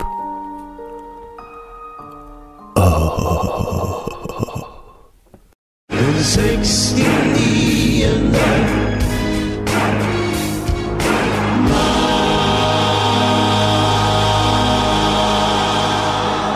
Ja, Snorre. Det gikk ikke helt eh, veien her. Nei, det gjorde ikke det. Jeg, jeg, jeg er først og fremst jævlig tom. Jeg har ikke fått sett reprisene og avgjørelser en og andre veien, og sånn, men jeg sitter igjen med en følelse av at uh, derbyet det ble egentlig ødelagt på det røde kortet. og Så håper man at man kanskje kan få med seg noe jo lenger det varer, men ja, det går som det går. Jeg meldte det egentlig. Det her blir 4-3 til de jeg sto med. Ganske tidlig. Og det ble det. Og nå er jeg egentlig bare helt tom. Så, men jeg er, jeg er først og fremst ganske eh, stolt av gutta som, som er utpå der og får en helt håpløs oppgave, egentlig. Um, men um, det er klart, jeg har ikke sett uh, måla man slipper inn og hva man kunne gjort bedre, og sånn, så det ble ikke, jeg, jeg er feil person å spørre om det. Ja. Men uh, innsatsen man legger ned, og hvordan man egentlig spiller kynisk for å prøve å få med seg det man har, uh, den ja, Det nytter ikke å være sur på de ti som ble igjen, da, og de som kom inn. det var vel egentlig kanskje litt mangel på kynisme på 3-3 der.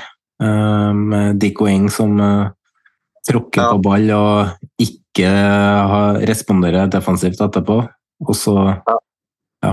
blir det jo Ja, det, den, akkurat den satt jeg også, men når først 3-3 kom, så handler det om én ting i min verden. og Da handler det om å ta det ene poenget, for det er en seier sånn som det blir. ikke sant? Uh, da må du bare gjøre alle skitte triks i boka. Uh, men uh, det sånn, det store hele, at noen glipper, at noen gjør en feil, OK, det er greit. Men totalt sett hva man får levert ut av det laget som ble igjen, jeg, jeg syns de viste at de ville. da. Og det, det hjalp litt, men herregud, det nytter ikke å ljuge. Det her var tungt, altså. Det her var jævlig tungt. Er ordentlig, ordentlig tom innvendig nå. Det er ikke så greit. Men eh, stemninga på stadion, trøkket fra klanen og fra LSK-supporterne, Kanari? Ja, altså klart LSK er jo eh, syvende i himmelen nå, og det skjønner man jo godt. Men ja, jeg tror det Jeg, jeg tror uh, fra der jeg sto, at uh, østblokka kunne ikke gjort så veldig mye mer.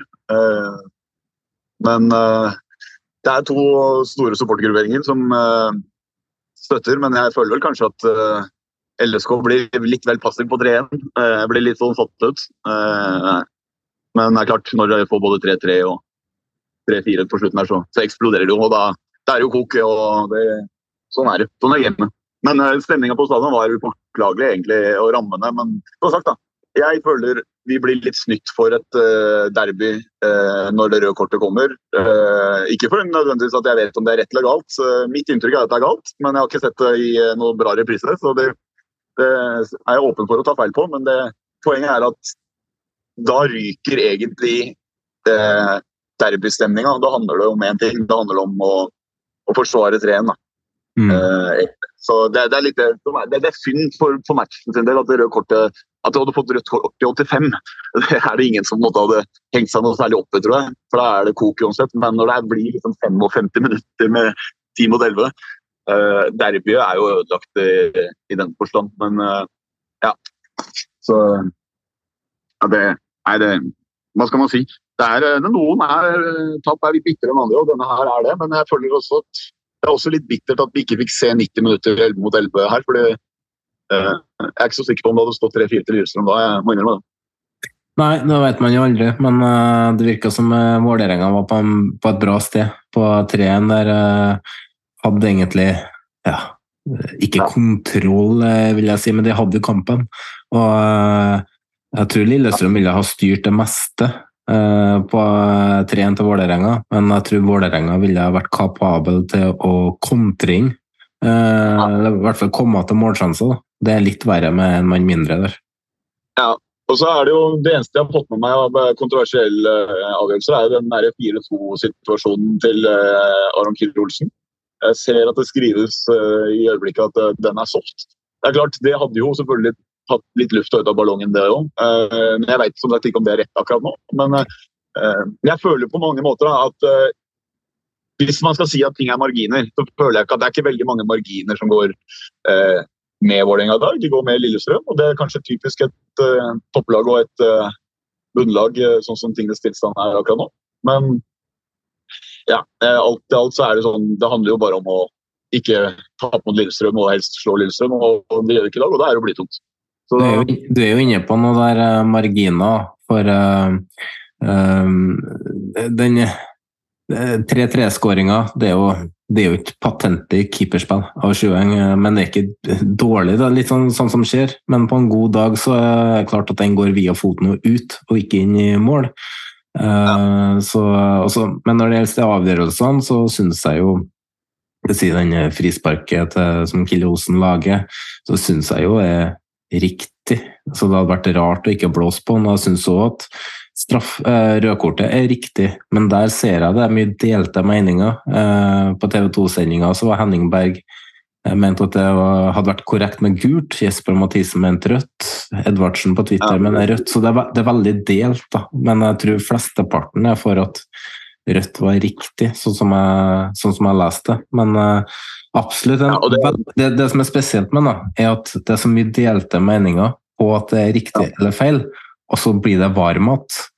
Men, mens vi har vært innom andre litt, litt, sånn sett i lys av hva vi har vært opplevd, at det er noen ting som er klink rødt, og som eh, VAR ikke ser på. Og de ser på denne her, det er greit. eh, de har også sett den bedre enn meg, så det er godt mulig de har rett. Og de både har holdepunkter for å dømme som de gjør, og, og sånn, men uh, ja, det, er ikke, altså, Dette er jo bare litt sånn eksempel på at det hjelper ikke med VAR hvis dommerne er det samme. For det er de samme vurderingene. De får en mulighet til å se noe igjen, men det spriker. da.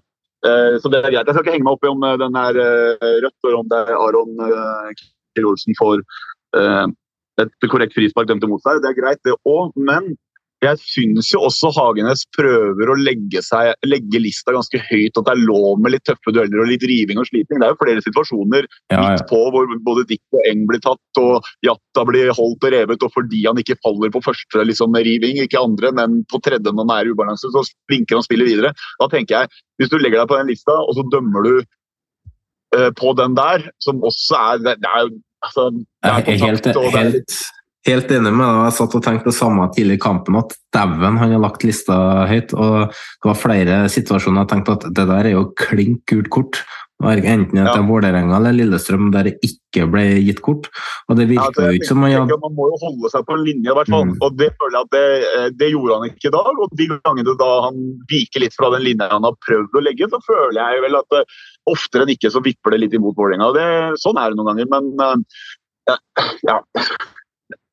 Ja, du, du, så jo matchen på TV, du har fått reprisene. så At du sitter med samme inntrykket, det er jo en positiv opplevelse. Men eh, det var ikke veldig mange på Østblokka som, eh, som følte i dag at dommeren var eh, med oss, i hvert fall. Og det eh, Uten at man skal legge all skylda på det. Men det, det, preger jo kampen, disse avgjørelsene. Både i første omgang og i andre omgang. Men alt det kommer til alt, så er Lillestrøm et bra lag. Det er tungt å spille 10 mot 11 med mot et bra lag. De er kapable til å skåre. uh, Jeg er også enig. Sjøeng burde kanskje hatt litt mer tur, eller litt mer dyktighet, alt ettersom, på, på 3-3 der. Strandberg på 1-1 ja. uh, er jo ikke uh, Jeg vet ikke, han prøver på det, men det er jo to mot to, og han gjør ingenting, egentlig. Og klareringa før uh, skåringa til Gjermund Aasen òg, det er jo assist, eh, nesten. Jeg tror Ruben Gabrielsen hadde i samme situasjon hedda han tilbake til keeper, men eh, det er lett å sitte her og si det. Vi må ta noen avgjørelser, her, Snorre. Ja, jeg, vil bare, jeg, jeg vil bare gå helt til slutt og si at jeg var jo litt frampå når vi hadde spådommer tidligere i stad. Jeg trakk jo fram Jatta på overtid, det skjedde jo ikke, men hadde en solid omgang før det røde kortet. i hvert fall. Eh, jeg snakka også om at bluss av minus. Det var vel en del ting som fløy ut fra østblokka, så jeg traff vel på at noen kasta noe når eh, ting går skjer på overtid. Eh, og så fikk jeg faktisk rett i en ting på blussen, og det var at om ikke Fagermo ble hylla av østblokka, så fikk han i gang med å snu seg rundt på stadion og hause opp alle. Da var det fortsatt 3-2. Så jeg fikk i hvert fall rett i at han fikk med seg hele gjengen med å, snu seg rundt og hause opp. Vi veide med armene når han trengte støtte. og Eh, så jeg var ikke helt eh, off, men jeg var ganske langt unna. vi, eh, vi har jo satt opp rundens lag. Jeg vet ikke hvordan har, har, du noen tanker der, eller? På ja, altså er, nå har jo du sett den kampen på TV. Jeg tenker jo at Akor Adams spiller jo en ja. enorm match. Det er vanskelig å komme utenom han, så benk eller lag det får nesten dere som sitter og trykker på tastaturet avgjøre. Eh, men det er klart at eh, ja, han bør kanskje inn. Men jeg vil også trekke fram at eh, hvis Vålerenga hadde fått spille 90 minutter, så tror jeg faktisk Jatta hadde kjempa seg inn der. for Han, han var god i dag fram til det røde kortet, egentlig. og eh, om han ikke havner på benk eller eh, på laget, så vil jeg i hvert fall igjen andre på benken for at han viste at han fort kan bli en man passer litt opp For i dag var han på, altså. Men, jeg, tenkte, jeg, tenkte, tidlig i matchen at alternativene ganske tidlig, da, var, eller etter første omgangen, var Tiago Holm og Bjørdal eh, og ja. Jatta, de treene. Men det er klart at eh, det er vanskelig å sette inn eh, Vålerenga-spillere når man spiller en andre omgang uten ball. Uh, det er, jeg, det er, Bjørdal var god, han var maskin i dag. Han gjør det ja. han frem til han går av. Tiago Holm også så ut som den sekseren man egentlig har savna i dag. Men um, det er ikke nok da, når du spiller, du viser hva du kan. Men særskilt at kampen blir ødelagt på det røde kortet, egentlig. Da får du et helt annet oppgjør. Uh, så da får du ikke se uh, eh, 11 mot 11, og de, at folk får ut det beste. da. Da blir Nå må, det jeg, nå må jeg bryte, for nå begynner tida å gå fra oss her. Men ja. da er vi enige om å sette inn uh, Akor Adams på topp for Salvesen, som går på benken. Og så ser vi om får skvise inn eh, Bjørdal på benken der, og det tror jeg er muligheter for. Men øh, Godt mulig, det. Nei, men jeg går og, jeg går og depper litt mer, jeg. gjør det, og så får du ha god bedring. Ja, det er, jeg vet ikke om man kommer seg tilbake fra den her, så du finner meg rennesteinen i Akerselva kanskje. På veggen i morgen, men uh, Nei, det ordner seg. Yes. Eller får du for en god kveld videre. Ha det bra. Takk for i dag. Takk. Ha det. 69.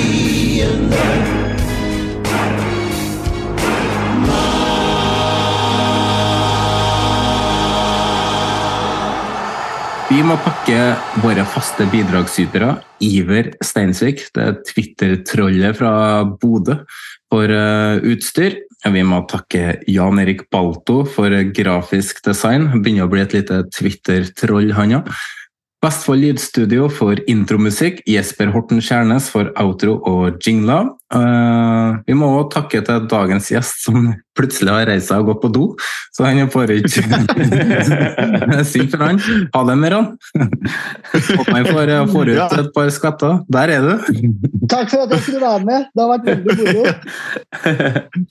Det var hyggelig å ha deg med, og takk for at vi fikk et eh, bedre innblikk i eh, Stabæk. Og så anbefaler vi lytterne å lytte til Synseligaen. Så da takker vi for oss. Vi er tilbake om ei uke. Frank, har du et siste ord? Ah. Fy faen, Snorre.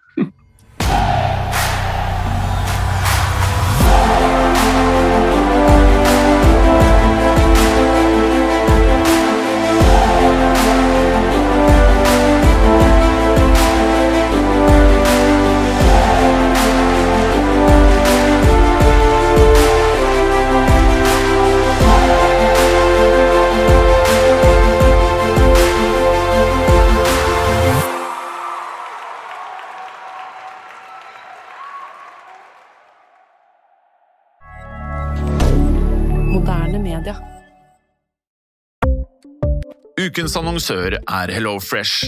HelloFresh er verdens ledende matkasseleverandør og kan være redningen i en travel hverdag.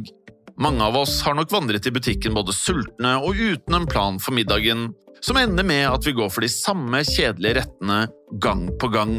Middag burde være dagens høydepunkt. Som HelloFresh kan du nå velge mellom 25 ulike retter hver eneste uke, eller få HelloFresh til å sette sammen menyen for deg. Dette gir deg muligheten til å prøve nye og spennende retter alene eller sammen med familien. Du velger antall porsjoner og får alt levert på døren på et tidspunkt som passer for deg. Oppskriftene er enkle, og maten er lett å lage både for store og for små. Ved å få alt levert hjem får du også mer tid til å dele matgleden med familie og venner. Kanskje det frister med asiatiske tacos eller greskinspirert kylling? Da kan jeg anbefale deg om å gå inn på hellofresh.no. Her kan du bruke koden FOTBALL og få opptil 1779 kroner i rabatt på de første fem matkastene hvis du ikke har prøvd HelloFresh tidligere. Du kan også bruke rabatten hvis du har vært kunde og stoppet abonnementet ditt for tolv måneder siden eller lengre. Gå inn på hellofresh.no og bruk koden FOTBALL. Ukens annonsør er Folio, en smartere banktjeneste for deg som har en egen bedrift eller ønsker å starte for deg selv. Folio er en superenkel nettbank for bedrifter. Som kunde i Folio får du en bedriftskonto med et bedriftskort og app. I denne appen er det smarte løsninger som forenkler regnskapet ditt, uansett om du har en liten bedrift eller et enkeltpersonsforetak. Folio er både intuitivt og brukervennlig, og er laget med et enkelt språk. I tillegg tilbyr de forutsigbare priser og ingen skjulte gebyrer. Skulle du likevel trenge det, så kan du snakke med deres raske og hyggelige kundeservice, og der får du prate med en faktisk person og ikke en chatbot. Folio er med andre ord både enklere og koseligere enn banken. Over 10 000 bedrifter har allerede valgt Folio som sin banktjeneste, så besøk folio.no og se hvordan Folio kan forenkle din hverdag også. Har du et enkeltpersonforetak eller en liten bedrift? Da er du sikkert lei av å høre meg snakke om hvor enkelt det er med kvitteringer og bilag i fiken, så vi eh, gir oss her, vi. Fordi vi liker enkelt.